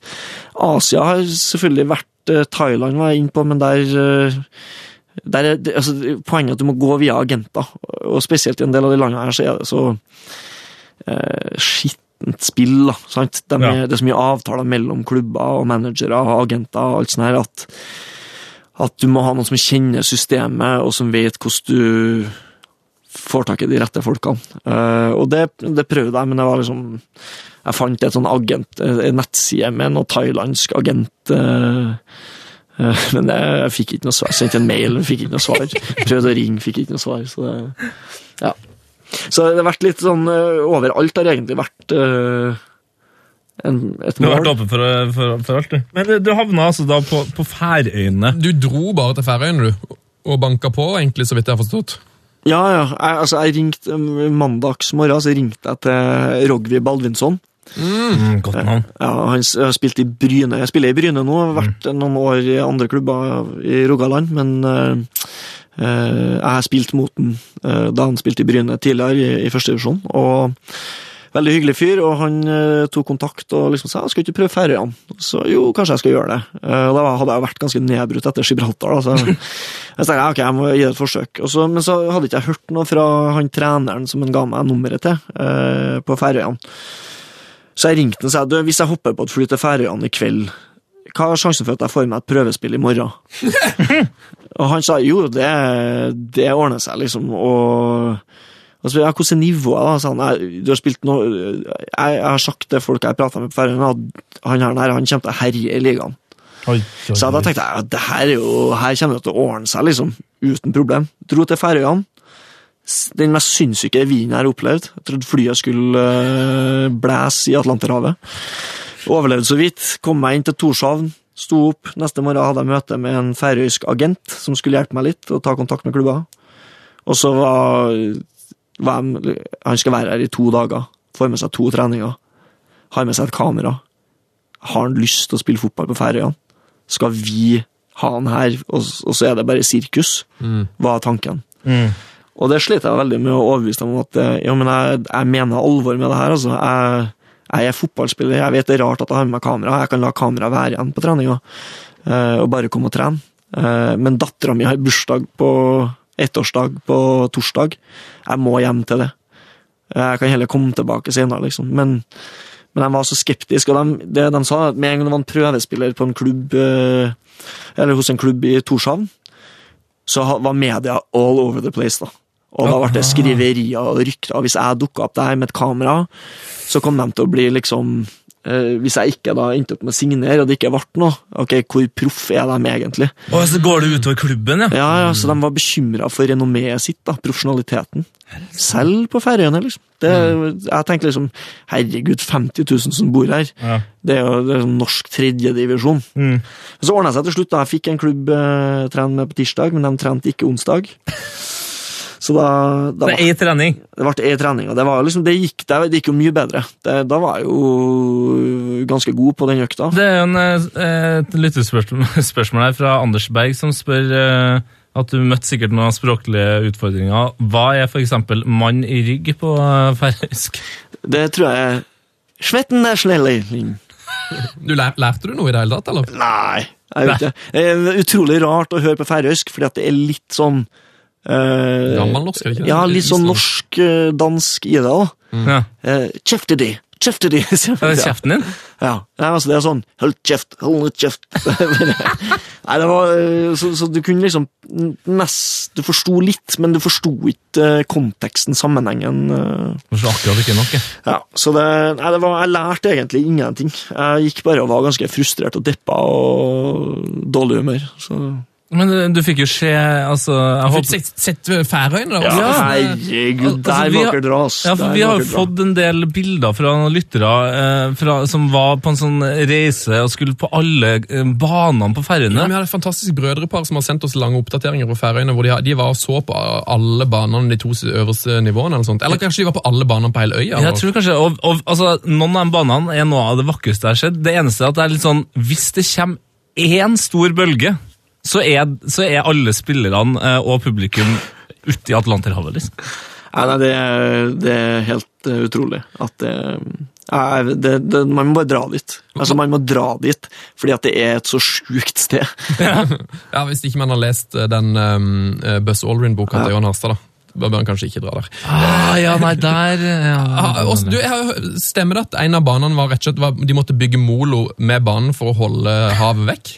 Uh, den banen jeg var trent på, så måtte de grave ut en slags sånn Jeg kaller det for en vollgrav, det var jo ikke det, men, men de var gravd ut en sånn Bygd opp Ja, ja egentlig kanskje en slags molo. uh, ved siden av den her elva banen hvor, hvor da det var lavvann, så gikk stranda 1000 meter ut i Atlanterhavet. sant? Mello, altså helt eh, Man skjønner ikke det. Du drar dit, og så tenker du hva er det her for noe? Rundt hver sving så føles det som du lander på månen. Det er, det er helt eh, Det er et av de vakreste og rareste stedene jeg har vært. da. Eh, Og så lurte jeg på liksom, alle, tre, alle husene var bygd med tre. Ja. Jeg så ikke ett tre. Jeg så ikke ett tre på ferjene. Men det er alle trærne blæsende, sikkert. Det var bare gress på det eh, sånn vulkanske øyer, som ligner litt på Hawaii, bare at Hawaii har jo et annet klima, så det er mer vegetasjon. Mm. Eh, Men de sa det er aldri sommer. Aldri sommer på Færøyene. Og det gjør at folk blir deprimert. Trist. Eh, vår favoritt eh, færøyske spiller Kai Leo i Bartalstovu. Han er oppkalt etter et hus på Færøyene Som heter Bartals. som heter Bartalstovu. Ja, Mm. Men, eh, ja. Kjør på, Tete. Ja, altså nå, eh, nå har det vært mye triste historier her fra, fra din, eh, din eh, prøvespillertid. Eh, Du er jo heldigvis på en måte da bossmannsspiller, så da går det vel an å, å, å fortsatt gjøre en transfer, eller? Eh, ja, eh, det er alltid mm, Jeg tror når du er kontraktsløs, så står du sånn ganske fritt, i hvert fall. Eh, hvor lenge etter et eventuelt overgangsvindu eh, Det her eh, er jeg usikker på. Ja. For jeg har hørt litt forskjellig. Jeg har ikke kommet helt til bunns i det. Det er vel forskjellig fra land til land òg, tror Ja, men, men det er ikke så viktig, for nå tenker jeg at nå skal vi bare liksom avslutte eh, denne delen av praten med sånn Og så fikk du deg en klubb. Altså, hvordan, har, hvordan har prosjektet gått? Nei, altså, det, det har jo vært uh, vanskelig. Uh, mye vanskeligere enn jeg trodde. Uh, og så kunne jeg sikkert gjort ting på en annen måte. Kanskje, kanskje bare ha en mer positiv innstilling, så hadde eh, ting gått lettere. Men eh, jeg er nå en gang skrudd sammen på en litt sånn Det skjer det verste i alt, da. Eh, litt for dramatisk. Men eh, Nei, eh, jeg prata med dere sist, eh, sist torsdag, da jeg satt og venta på flyet hjem til Oslo. Eh, Min datter ble ett år, og, den natta før vi prata sammen, så Den siste dagen på Færøyene Det er rart at dere nevner det med banene. Jeg kjørte ut den lille bygda Ja, som er bare helt, helt eh, et, Igjen et, bare et fantastisk flott sted. Så kjørte jeg tilbake til Torshavn, og så stoppa jeg over ei bygd som heter Eir, eller noe sånt. En, en sånn rar D. Noe som kunne ha vært med i Game of Thrones, ja. liksom. Ja. Så stoppa jeg oppå en sånn liten vei, et sånn høydedrag over der, og så kikka jeg utover den her lille bygda, som var liksom omkransa av de enorme sjøklippene av øyene og Atlanterhavet. Du er liksom midt uti Altså, du er ved verdens ende, er det du føler. Og rett nedenfor meg, ned, nederst i den bakken jeg sto, så, så var det to fotballbaner. Eh, og da kjente jeg liksom at da gikk det opp for meg hvor, hvor stor eh, stort fotball er. Selv ved verdens ende så drømmer, drømmer folk om å bli eh, fotballspillere. Eh, og da begynte jeg liksom å tenke, da, for jeg har, eh, jeg har, som jeg sa tidligere, jeg har vært veldig lite tilfreds med min egen fotballkarriere. Eh, Men så begynte jeg liksom å tenke at jeg har alltid vært opptatt av hvordan alle andre skal huske meg som fotballspiller. Hvordan alle andre ser på meg. Jeg hadde lyst til å være en klubblegende eller en tittelgrossist eller en landslagsspiller. Jeg hadde, jeg hadde så lyst til å bety noe for noen. Eh, Som jeg tror sikkert mange tenker i det de holder på med, at de har lyst til å bety noe for noen andre. Men så begynte jeg liksom å tenke at nei, faen, det er jo ikke det det handler om. Det her høres som veldig sånn klisjé, klisjé, da. Jeg vet jo det. Og jeg har jo tenkt tanken sjøl òg, før. Det, sant, det var sånn helt nytt for meg, men det var som om jeg fant en slags ro med at den karrieren jeg har hatt, å få lov til å spille eh, eh, profesjonelt, eh, å få lov til å spille med dem jeg har spilt med, og dem jeg har spilt mot, alle historiene eh, knytta til det å være fotballspiller, alle eh, opplevelsene i garderoben, på borteturer, på treningsleirer, alt. Og begynte jeg å se at dæven, jeg har hatt en ganske bra karriere. ass. Så jeg begynte å tenke tanken på at kanskje, kanskje er det her det rette stedet å gi seg, og si at eh, nok er nok. Og så satt jeg på flyplassen eh, på eh, Kastrup, og så hadde jeg prata med dere, og min datter ble ett år. Jeg tenkte at jeg skulle legge opp som fotballspiller, og så fikk jeg en telefon fra min mor som fortalte at eh, min morfar var lagt inn på sykehus og lå for døden. da. Og da, da føltes det Det var en sånn merkelig følelse av at eh, ting skjer for en grunn. Og jeg kom tilbake til Oslo. Jeg eh, reiste til Trondheim, fikk tatt farvel med min morfar. Og så kjente jeg at eh, at nå er det kanskje rett å gi seg. Og det er jo sånn at eh, jeg, skjønner at veldig mange er sikkert eh, blir irritert på denne Stilson som driver og skal vise seg fram overalt. Fordi, han er jo så ræva fotballspiller. Hvorfor driver han og dukker opp? Kan ikke vi få høre litt mer om dem som er gode, som har fått det til? liksom? Og Det skjønner jeg godt. Eh, Jeg er nok litt PR-kåt, og sånn her men, jeg har lyst til å fortelle en historie som liksom illustrerer for meg hvor, eh, hvor viktig fotball er verdt. da. Eh, I fjor, da vi prata litt om det da ute i kulda i Mjøndalen, så, så hadde jeg liksom bestemt meg Mjøndalen ville ha meg vekk. Eh, Kenneth Karlsen og Vegard Hansen vi hadde mange møter hvor de var tydelige på at det var ikke noe håp for meg der. Jeg kom ikke til å spille. Eh, Det beste for meg og for dem var hvis jeg fant en ny klubb. Eh, Men jeg hadde jo ikke noe klubb å gå til. Det var hvem, hvem som ville ha en som har sittet på benken i Mjøndalen, eller knapt nok vært i tropp. Så jeg bestemte meg for at jeg har ikke noe alternativ. Jeg har ikke noe sted å dra. Jeg skal fullføre kontrakten, og så skal jeg gjøre alt jeg kan for at Mjøndalen rykker opp til Tippeligaen. Så skal jeg i hvert fall gjøre mitt. Eh, og så bestemte jeg meg for det, og så eh, lot sjansen eh, Altså, den lot vente på seg. Jeg fikk ikke noen mulighet, selv om jeg var god. For det var god hver eneste trening.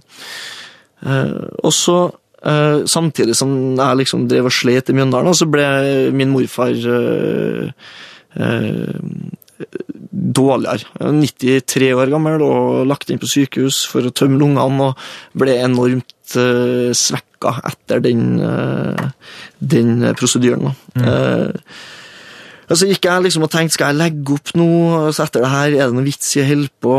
Uh, men jeg trente hardt. Jeg, jeg prøvde så godt jeg kunne, og så plutselig en dag så var det så mye skader og karantener at Vegard ikke hadde noe annet, annen mulighet enn å sette meg inn på laget. så det var borte mot eh, Kristiansund, som vant førstedivisjon. De, de rykka opp til Tippeligaen, men den kampen her så var ingenting avgjort, og vi var nødt til å vinne for å henge med i kampen om en eh, kvalikplass. Han Vegard kom bort til meg før kampen og sa at eh, du har kanskje fortjent sjansen før, men nå får du den, og iblant så tar livet uante vendinger. I dag kanskje er det en sånn sving for deg. Og jeg var liksom glad for at jeg hadde fått muligheten, og, og tenkte at jeg skal springe ræva av meg, liksom. Og så rett før pause, i en ganske jevnspilt kamp, så, så fikk jeg ballen, øh, og tok en touch eller to, og, og skjøt i mål. Det, det er ikke et mål som liksom Går inn i historien.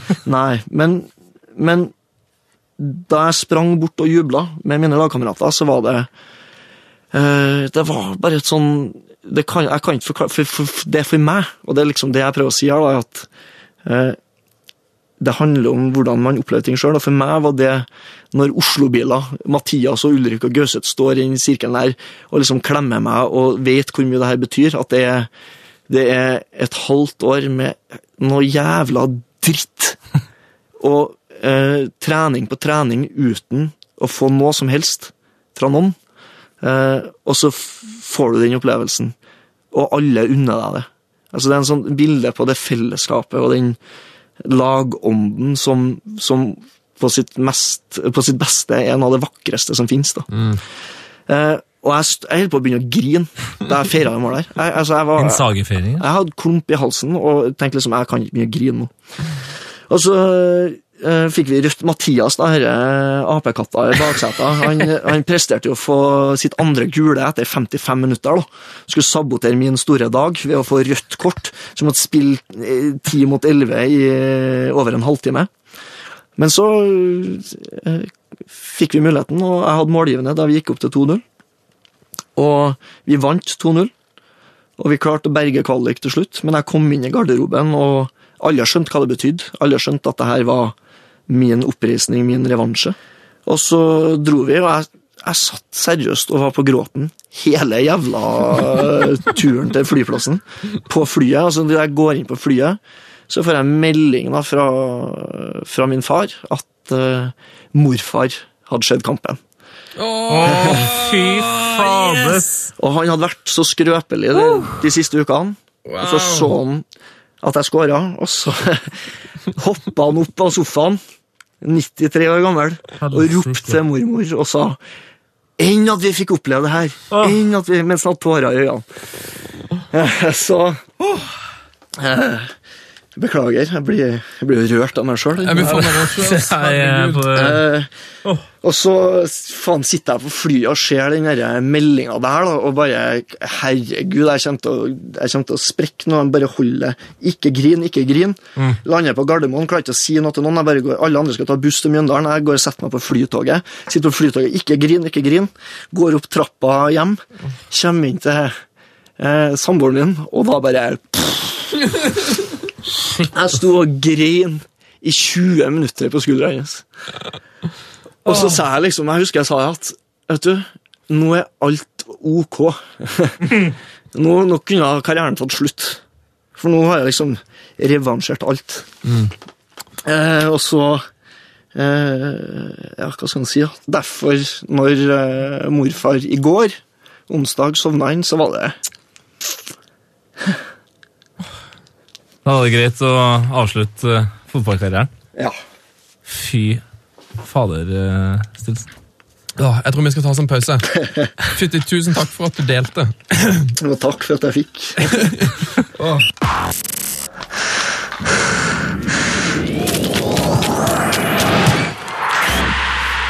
P3s Heia fotball med Tete Lidbom og Sven Biskår Sunde. Og Michael Stilson. Som altså har gitt oss en helt Det er så viktig Jeg føler vi har hatt veldig mange av de her fine historiene i det siste på Heia fotball. Det er jo ikke bare tull og tøys. Nei, jeg må si eh, å høre Dagfinn Enerly eh, Altså, det Det var helt, helt utrolig. Ja, Så.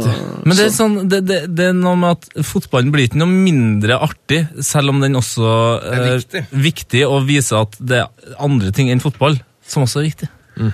Så igjen, tusen takk for at du delte den fine historien. Og nå Nå, ja. Nå, Nå? skal vi ha taktskifte her. Eh, Vi skal, til, vi skal til en fast eh, spalte, og jeg regner jo egentlig med at du er veldig keen på å ha et nytt drømmelag nå, Mike, siden du hadde et, du hadde et veldig tøysete og, og morsomt uh, prøvespillerdrømmelag sist.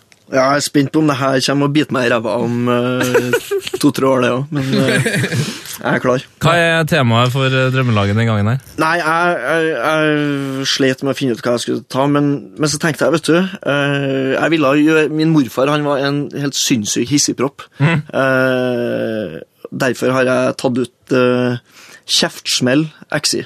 Kjeftsmell XI, altså eh, de hissigste fotballspillerne du har spilt med og mot? Eller? Ja, Hissigste, mest ubehagelige spillerne jeg har eh, hatt glede av å dele en fotballbane med. Åh, herlig. Keeperplassen ser jeg for meg, der er det vel mange som eh, kjemper om plassen.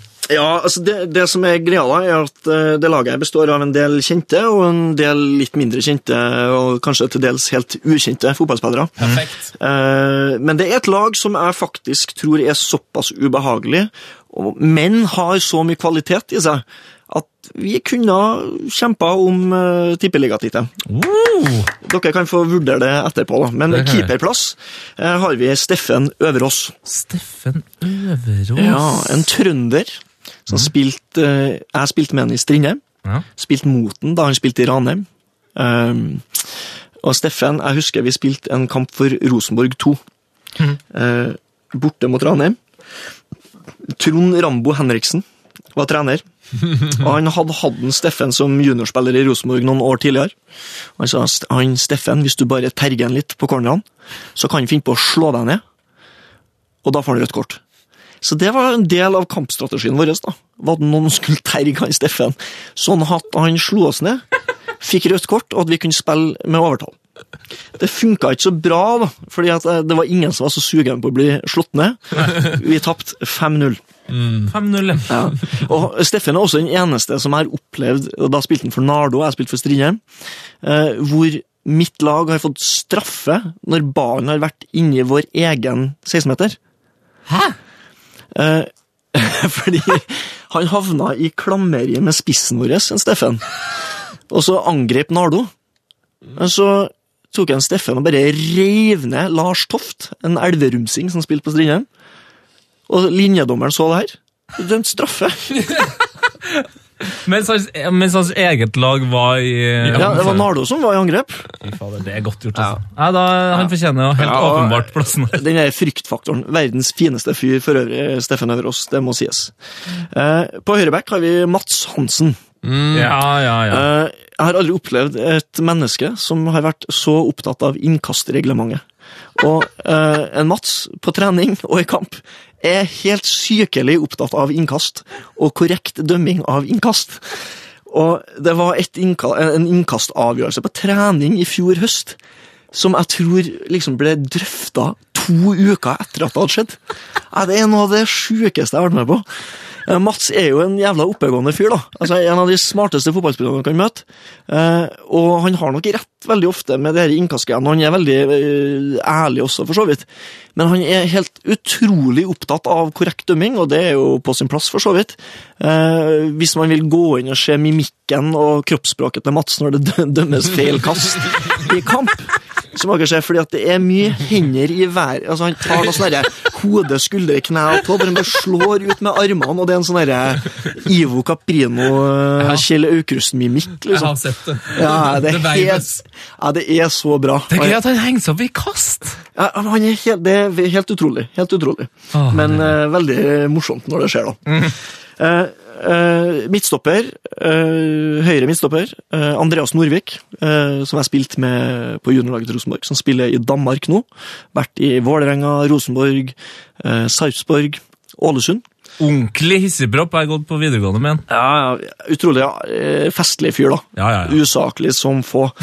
Eh, og da vi spilte eh, en cup for eh, Rosenborg et år, så kom han i klammeri med en spiller på det andre laget, hvorpå Norvik bare sa Kjeften din, du er for feit, ta tieren. du er for fint av tieren! Han hadde drakt nummer ti, og Norvik mente at han var ikke verdig å bruke drakt nummer ti.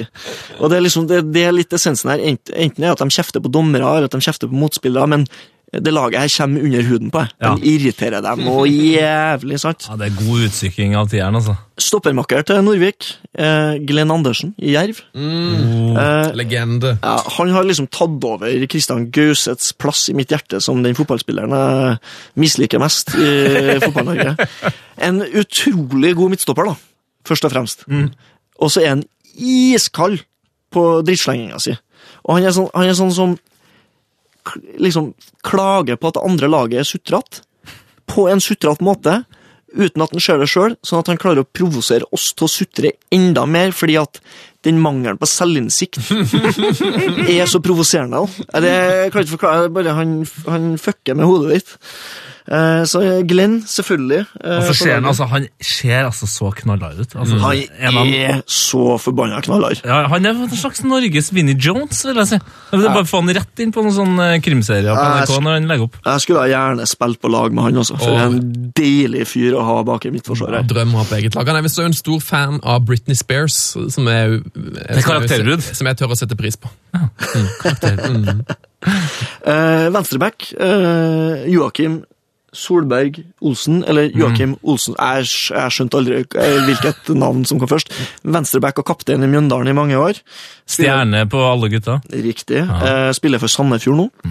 Eh, også, jeg spilte mye mot den da jeg spilte i Ranheim. Gnagsår, klaging på dommeren, klaging på motspillere. Ja, veldig sånn uh, sutra type. Verdens fineste fyr, da. Det, må jeg, det må jeg understreke. det det Han er, sånn, han er en drittfyr, men han er verdens fineste fyr. Uh, men han er verdens fineste fyr, altså. Uh, og så har vi sentral midtbane. Ja. Der må vi få inn noe skikkelig kvalitet fotballmessig. Mm. Så har jeg gått for Ole Selnes. Ole Selnes, ja. Ja. Har, han har jo skapt en del overskrifter med sinnet sitt, han. Ja, Han er jo kjent for det der, ikke sant? Han er jo, han er jo kanskje vår beste fotballspiller. Sånn, han, han er jo en helt utrolig fotballspiller. Men da vi spilte mot Rosenborg med Mjøndalen i Tippeligaen og slo dem 3-2, så spilte jeg øh, de tre siste minuttene, var på banen da vi gikk opp til 3-2. Og så fikk, eh, fikk de frispark ned på vår høyreside. Og da ble ballen liggende liksom, litt i ro. Da. Så tenkte jeg shit, nå må vi drøye litt tid. Så da Ole kom bort og skulle ta det frisparket, så bare pola jeg ballen til, over til eh, André Hansen, som sto, sto i mål. Eh, og en Ole bare klikka så jævlig på. Jeg ble jo skilt ut etter nota. Det var dritstygt gjort av meg òg. Men eh, det var liksom litt deilig, og deilig følelse når vi vant der, da. Og, eh, og liksom har bidratt med den, det unødvendige gule kortet. Ikke, det er ikke bra at jeg gjorde det, men Jeg vil påstå at det var et veldig nødvendig uh, ja, det var, kort. ja, ja. Så det, var- det kosta meg 500 eller 1000 kroner, altså, men det, det var det verdt. Eh, på høyre indreløper eh, har jeg sagt eh, Nei, satt eh, en som du kjenner til dette, Petter oh. Tiller Larsen. Å, herre min! Oi, oi, oi. Han har jeg spilt eh, mange timer fotball med og fått altså noe voldsomt eh, til kjeft eh, fra. Ja, Det er de sinteste menneskene jeg har møtt på banen. altså. Ekstremt sint. Utrolig festlig fyr. Ja. Og, men han, han er så sint og slenger sånn med leppa, og så er han en Han, er, han har jo gitt seg nå, men spilt for Kongsvinger Alta, var på sitt beste en utrolig god fotballspiller. Ja, ja, ja. Eh, kunne, kunne fint ha spilt i Tippeligaen, det er jeg helt sikker på. Jeg husker, altså en, jeg, jeg skjønte hvor han hadde sinnet sitt fra, for han hadde ganske ivrig far. Eh, og, og jeg husker at jeg syntes det var skummelt å spille wing eh, hvis faren til Petter var på, på kamp. Da var det uaktuelt. Det var uaktuelt å spille. Nei, da var jeg indreløper uh, sjøl. Ja, nei, men eh, Petter fortjener en plass på det laget her, eh, både av sportslige og utenomsportslige meritter. Eh, og det som er også deilig, er at vi har Norvik og Petter Larsen på samme lag. Eh, For vi spilte jo alle tre sammen på juniorlaget til Rosenborg. Jeg husker spesielt en bortekamp eh, for Rosenborg 2 mot Mo, hvor vi tok nattoget hjem fra Mo. Mm. og jeg lå i sovekupé vegg i vegg med Petter og Norvik sin sovekupé. Og Petter og Norvik de var eksperter på å diskutere alt mulig. Og det toppa seg da jeg våkna klokka fire på natta på det nattoget hjem til Trondheim, av at de ligger og diskuterer høylytt i eh, kupeen sin. Eh, og det de diskuterer, jo, det er hvem av dem som er best til å diskutere. Klokka fire på natta på nattoget. Og jeg bare husker Norvik sier Jeg har aldri tapt en diskusjon i hele mitt liv. I hele mitt liv. Jeg spør lærerne på barneskolen. Jeg har aldri tapt en diskusjon i hele mitt liv. Sa, det, her, er- det her er så sykt bra. Altså, Norvik hadde en periode hvor han, hvis noen argumenterte mot den og han ikke eh, hadde noe å komme med, så eh, tok han hånda opp til nesa og laga en snabel, og så sa han elefant, og så vifta han med snabelen. Forstå det, den som kan. Elefant. Greit irriterende fyr. Ja, den skal jeg bruke sjøl framover. Eh, På venstre indreløper har vi eh, mannen som uh, syntes det var så artig å kalle meg for hothead fordi at jeg var hissig. Mm. Aksel Skjølsvik. Oh. Men er det én mann som er hothead, så er det Aksel.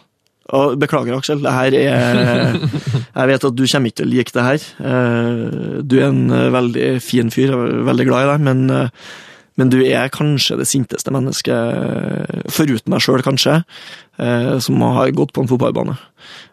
Men han hadde en veldig bra strategi da han var yngre.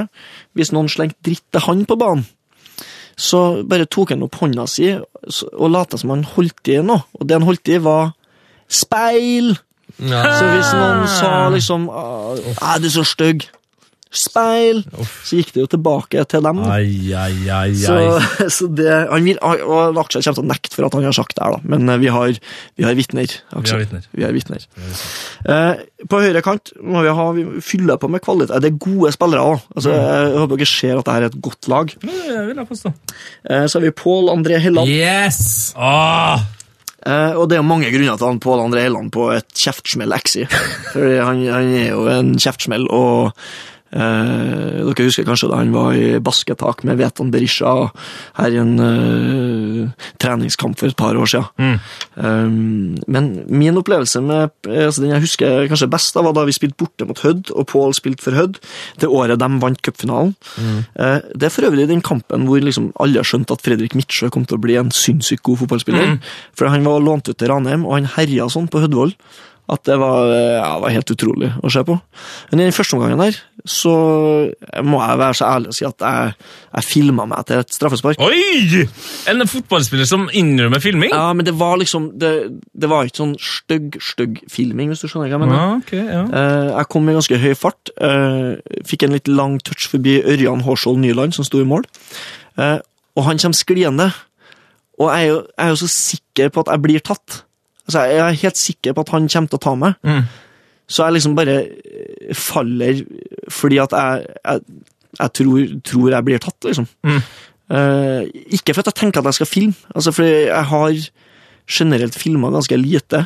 Uh, tror jeg sjøl. Ja, Nå syns jeg det høres mer og mer ut som fotballspiller igjen. Ja, nei, nei, nei, men det var filming. Ja. Og det fikk jo Pål til å klikke, ikke sant? Så da vi gikk inn til pause, det var 1-1, så skilte han meg ut etter noter. Jeg syns det er så ubehagelig, for jeg er jo en forkjemper for god stemning. Jeg har jo egentlig ikke lyst til at vi skal være uvenner, noen av oss. Nei. Jeg har jo lyst til at, at det skal være hyggelig.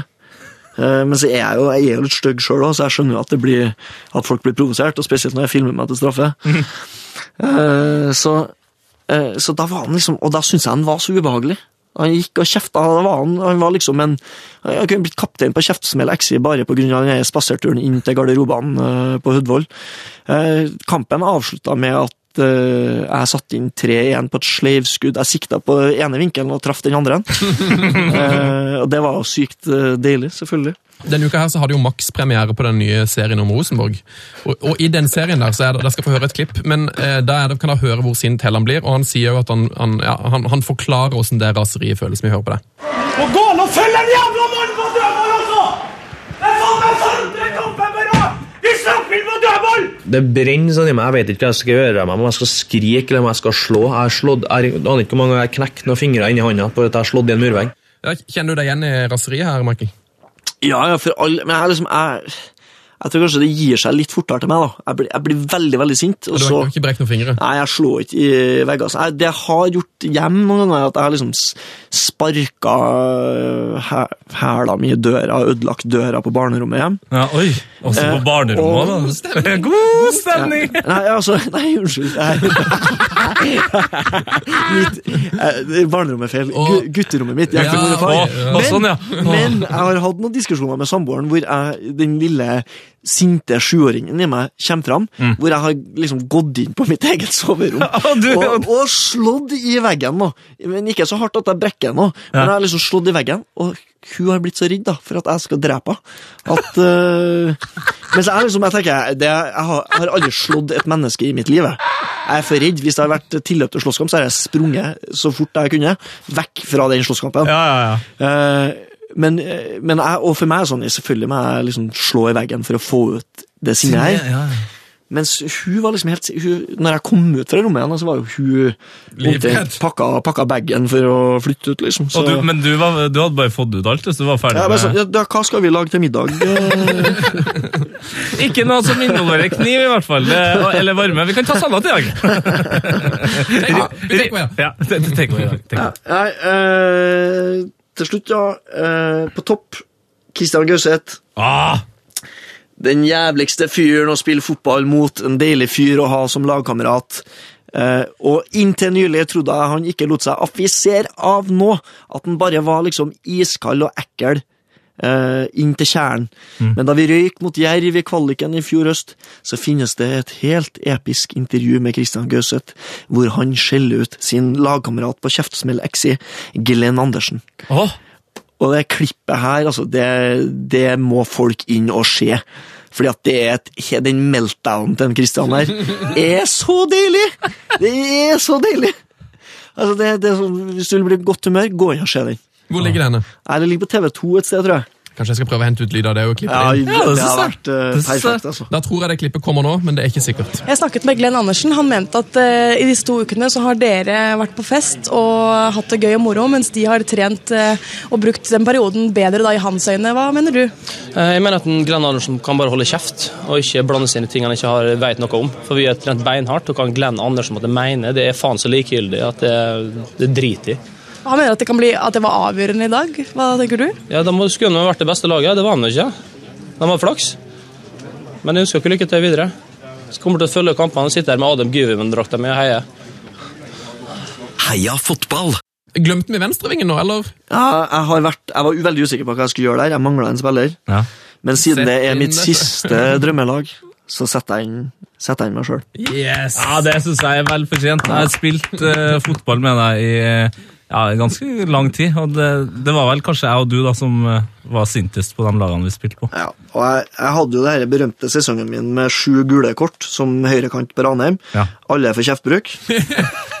og jævlig urutinert som jeg var, så sona jeg tre kamper på hjemmebane. Nei! Altså, Det er helt håpløst. Så du tok turen opp til Alta og Og Hødvold og Ja. overalt.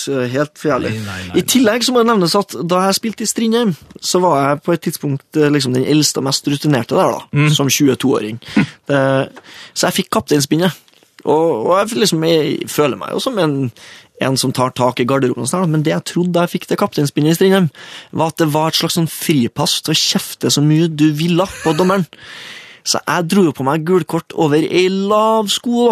Og til slutt så innså jeg at det her går Jeg kan jo ikke Jeg mister jo huet helt med kapteinspinnet på armen. Så, så etter kanskje sånn fire-fem kamper så måtte jeg gå til trener. Vet du, jeg kan ikke være kaptein. for det Du måtte si ifra deg Ja, ja, ja. Det er greit. Jeg, jeg tror det er best for alle parter, for dommerne, for meg sjøl, for laget, for motstandere, alle, at eh, jeg bare dropper å være kaptein, for det, det, det får ikke jeg til. Ja, det var et sinna lag. Et ordentlig sinna lag. Ja. Trener, har du det? Uh, Vegard Hansen. Vegard Hansen. Da går vi til breddefotball med Netchef Lars.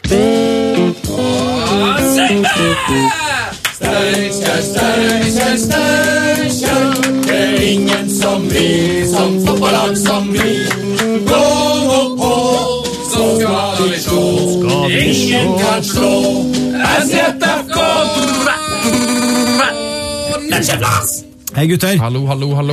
Åssen. Går det med deg? Det går bra, vet du. Ja. Har du holdt noen foredrag i det siste om, eh, om Snapchat? Det har vi hatt. Ja, så bra. Spydspissforedrag. Men jeg har sittet i bua ved sida av her og skrekke en liten skvett, faktisk. Har, hør, Ja, oh. har du hørt på podkasten? Har hørt litt på podkasten. Ah, flott, eh, Mike. Takk, takk. Eh, Du har med nyheter fra bredden som vanlig. Rene med? Jeg tenkte å høre med en, eh, Michael her da, om han har en eh, breddeaktig historie å fortelle, eller et eller annet. Kjem på samme Skjer det noe i bredden? Skjer det noe i bredden? bredden i Oslo?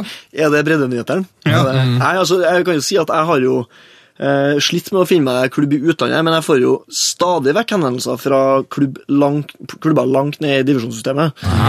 Så, så vi får se nå hva, hva man ender opp med, da. Men eh, Har fått et, faktisk fått et tilbud eh, som lyttespørsmål òg. Mikael Dullum som sier Remyra IL har lenge ønsket seg dine tjenester i sjette divisjon. ja, jeg, har få, jeg tror jeg har fått noen henvendelser fra dem eh, på Insta tidligere òg. Vil selveste Michael Stilson hjelpe fotballklassen Stjørdal å få opp den gamle storheten et nivå til? Ta over plassen som byens beste lag. Eh, Men det, det er kanskje litt feil geografisk for deg, dette. Ja, jeg, jeg blir nok eh, på Østlandet en stund til, altså. Men det er deilig å vite at du har et tilbud i Remyra. da. Altså, Jeg må si til Remira at jeg setter veldig pris på, på å være ønska der, og det, det har ikke vært så mange som har ønska meg, så det, det, jeg blir jo veldig, veldig rørt og glad, glad for det. Beæret. Strålende. Har du mer fra bredden, eh, Mike?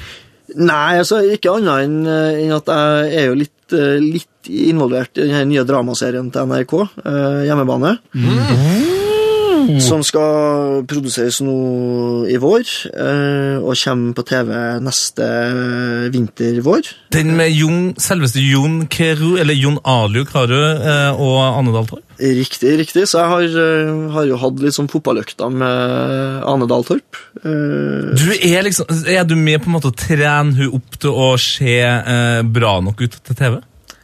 Altså ja, ja, altså det, nå skal jo hun, hun skal jo spille eh, en trener, så det eh, Hun trenger jo ikke å bli Messi, men, eh, men det er klart, eh, hun har ikke spilt fotball før, så, så det er jo fint å Men hun er veldig flink. Veldig imponert over eh, evnen til å ta til seg læring. Eh, og så er det en del andre eh, altså Rolf Christian Larsen skal jo spille, og Ja, han er glad i fotball. han er jo uh, Tidligere ECR-fotball. eh, Tidligere STF-fotball, ja. Han- Trekker fotballskoen sin i ko- komfyren. ja. Nei, så han er jo god. Han er jo en god fotballspiller. Han har spilt litt cageball med, og han, han er bare opptatt Eh, han, Vi spilte cage, det er jo veldig bredde. da. Vi spilte cage i Nydalen her eh, for et par uker siden. Og han var sykelig opptatt av å slå tunnel på meg. Og han slo, han slo to tunneler på meg. Og Det var han så sykt fornøyd med, for jeg sprang rundt her i denne Rikelme-drakten sin Argentina. Hårbånd og sånn her, da. Og, og liksom eh, Nå har jeg to tuttiser. To tuttiser. Mitt lag vant alle kampene. det de første ti, da.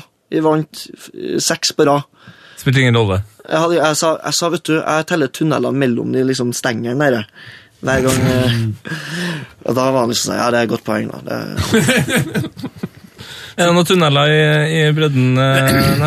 Ja, vi har jo fått eh, ikke en tunnel, men det her er en sak vi har fått fra eh, Joakim Fjelde. Hei, Joakim! Hei, Joakim. Heia. Eh, Hei, kom over denne saken på The World Wide Web og tenkte umiddelbart dette måtte være noe for bredden. Og det er da en sak fra Tysvær Bygdeblad. Det, det er en avis. Det er utrolig, når, når du sier World Wide Web, så tenker jeg med en gang at det skal komme noe fra utlandet. Men ja, selvfølgelig Ja. er det Tysvær. Ja, selvfølgelig. Ja. De har, Internett har kommet til Rogaland nå. Tysvær er da eh, innafor Haugesund her. Um, I hvert fall den overskrifta her. Tester ut tvilsom spiss fra apeland. Og jeg vet ikke hvordan sak, om det er en sånn clickbait-sak, eller om det er, det er i hvert fall en kjenning av journalisten, eller om de har en spesiell sjargong på sportssidene sine. For det her, i hvert fall, Skjold møter Halsenøy til treningskamp i Grinde nå klokken 11. Der vil trener Håkon André Våge teste ut denne tvilsomme spissen. Han skal ha erf- erfaring fra løkkefotball, både fra Føland og Vietnam. I dag får han sjansen til å vise seg fram som spydspiss for fjerdedivisjonslaget. Jeg er spent, er alt treneren vil si før kampstart, og legger vekt på at Apeland tross alt har internasjonal erfaring gjennom sin jobb i Steinsvik.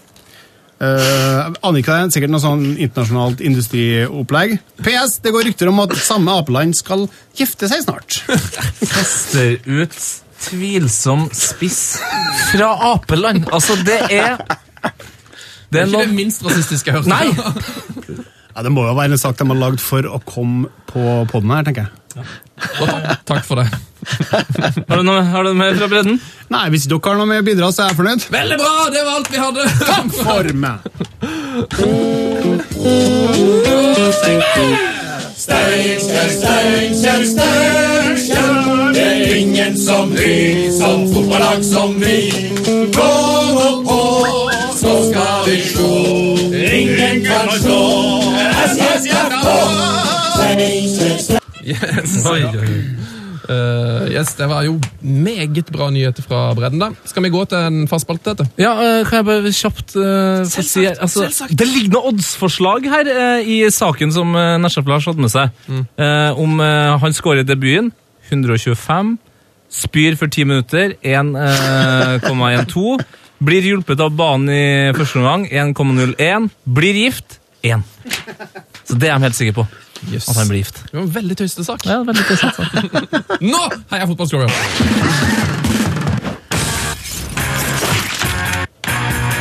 Heia fotballs glory hall. Ja da, ja da, ja da. ja da. Forklar de som aldri har hørt på Heia Fotball før, hva Heia Fotballs Glory Hole heter. Nei, altså I et samarbeid med Alexander Schou og rockebandet Steel Panther sin låt Glory Hall, så ble det da en gang oppretta en klubb her i Heia Fotball eh, som eh, har tilholdssted et sted voldsomt langt unna jorda, der eh, planeten er grønnere enn det grønneste sofaen du har sett på Ikea.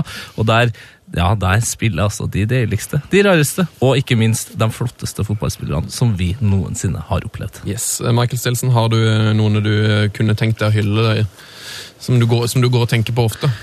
Ja, altså, jeg, jeg husker at noen av de artigste årene som Rosenborg-supporter, da, på sent 90-tall, så var jo Ørjan Berg eh, helt magisk å se på. Han, eh, jeg husker det var en eh, artikkel i Adresseavisa hvor de hadde satt opp Jeg skulle spille mot Real Madrid, eller noe sånt, og de hadde liksom satt opp en elver. Hvor de hadde bare tatt hodet til Ørjan Berg og satt på alle posisjoner. og det her laget kunne ha klart seg mot Real Madrid. Ja, det var Ja, han var helt uh, Dere 99-2000-sesongene.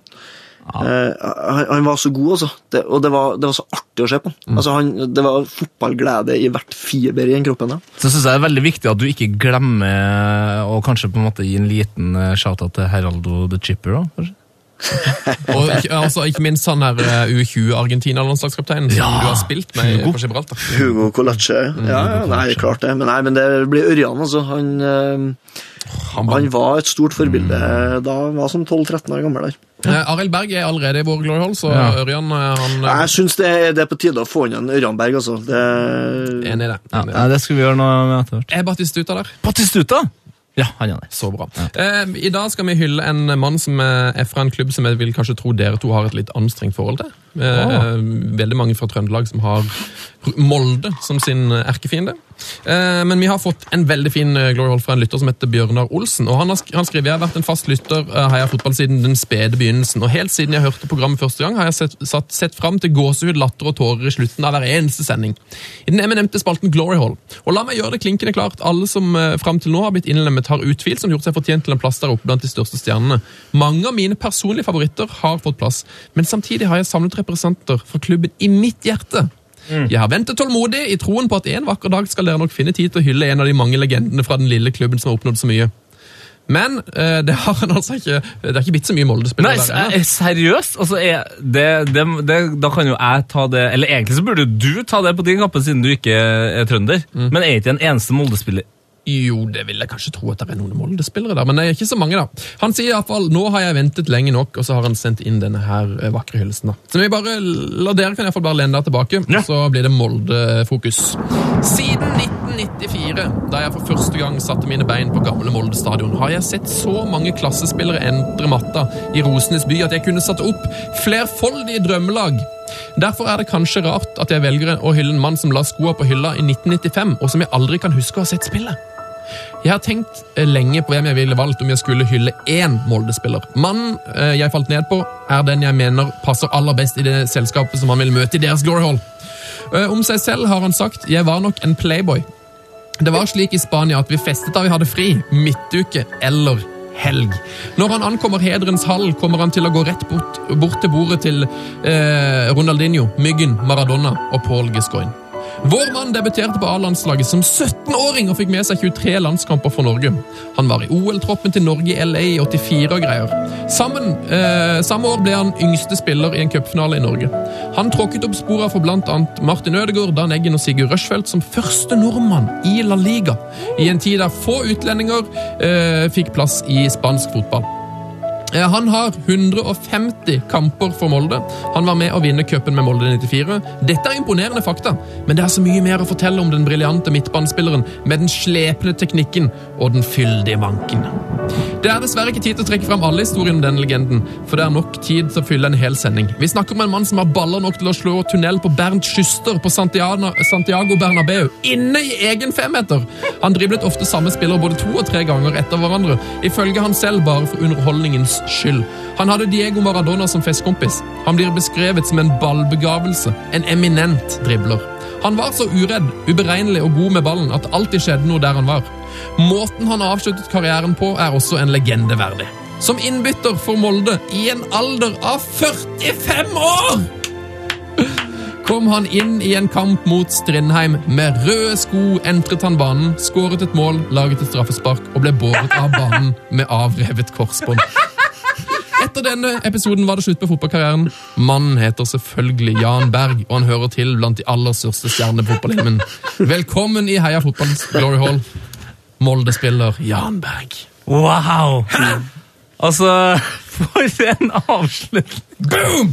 Hvorfor har ikke man hørt den historien her før? Nei, det lurer jeg på. For han var jo, han var jo trener for Molde en liten periode. Ja. Jan Berg, jeg husker han godt det er Morsom i intervjusonen. Nei, jeg tror nok man har hørt disse historiene i Molde. Men Ja, eh, det, er jo helt, det er jo helt vanvittig. han fortjener et større publikum, Ja, så- uten tvil. Her sitter jo to tidligere Strindheim-spillere. Jeg er ærlig innrømme at jeg aldri har hørt den historien. Altså, det, Røde sko. rød sko, rødt kort, var det noe mer der? Uh, Og røkke korsbånd. Altså, jeg, Jeg tror ikke han fikk rødt kort og rød korsbånd, men han fikk i hvert fall lavere straffe. Skaffa straffe Ja. og skåra mål. det er jo helt fantastisk måte å gå ut på. Ja, det er rått. Berg. Det ble jo en berg, da! Det ble en berg. Det ble en berg. Vi er langt over uh, tida, boys. Det skulle bare mangle. Men uh, det var for at det var så jæskla trivelig å ha deg på besøk, uh, Mike Stilson. Takk for at jeg fikk komme. God helg og heia fotball. Heia fotball. Heia fotball! Frank de Boer speelt de bal. Heel goed naar Dennis Bergkamp. Dennis Bergkamp. Dennis Bergkamp neemt de bal aan. Dennis Bergkamp. Dennis Bergkamp. Dennis Bergkamp. Dennis Bergkamp. Dennis Bergkamp. Oh! Frank de Boer speelt Schiet de bal erin. We spelen nog officieel 20 seconden. Dennis Bergkamp. P3s Heia fotball. Ny episode hver fredag. Last ned din nye favorittpodkast på p3.no podkast. P3.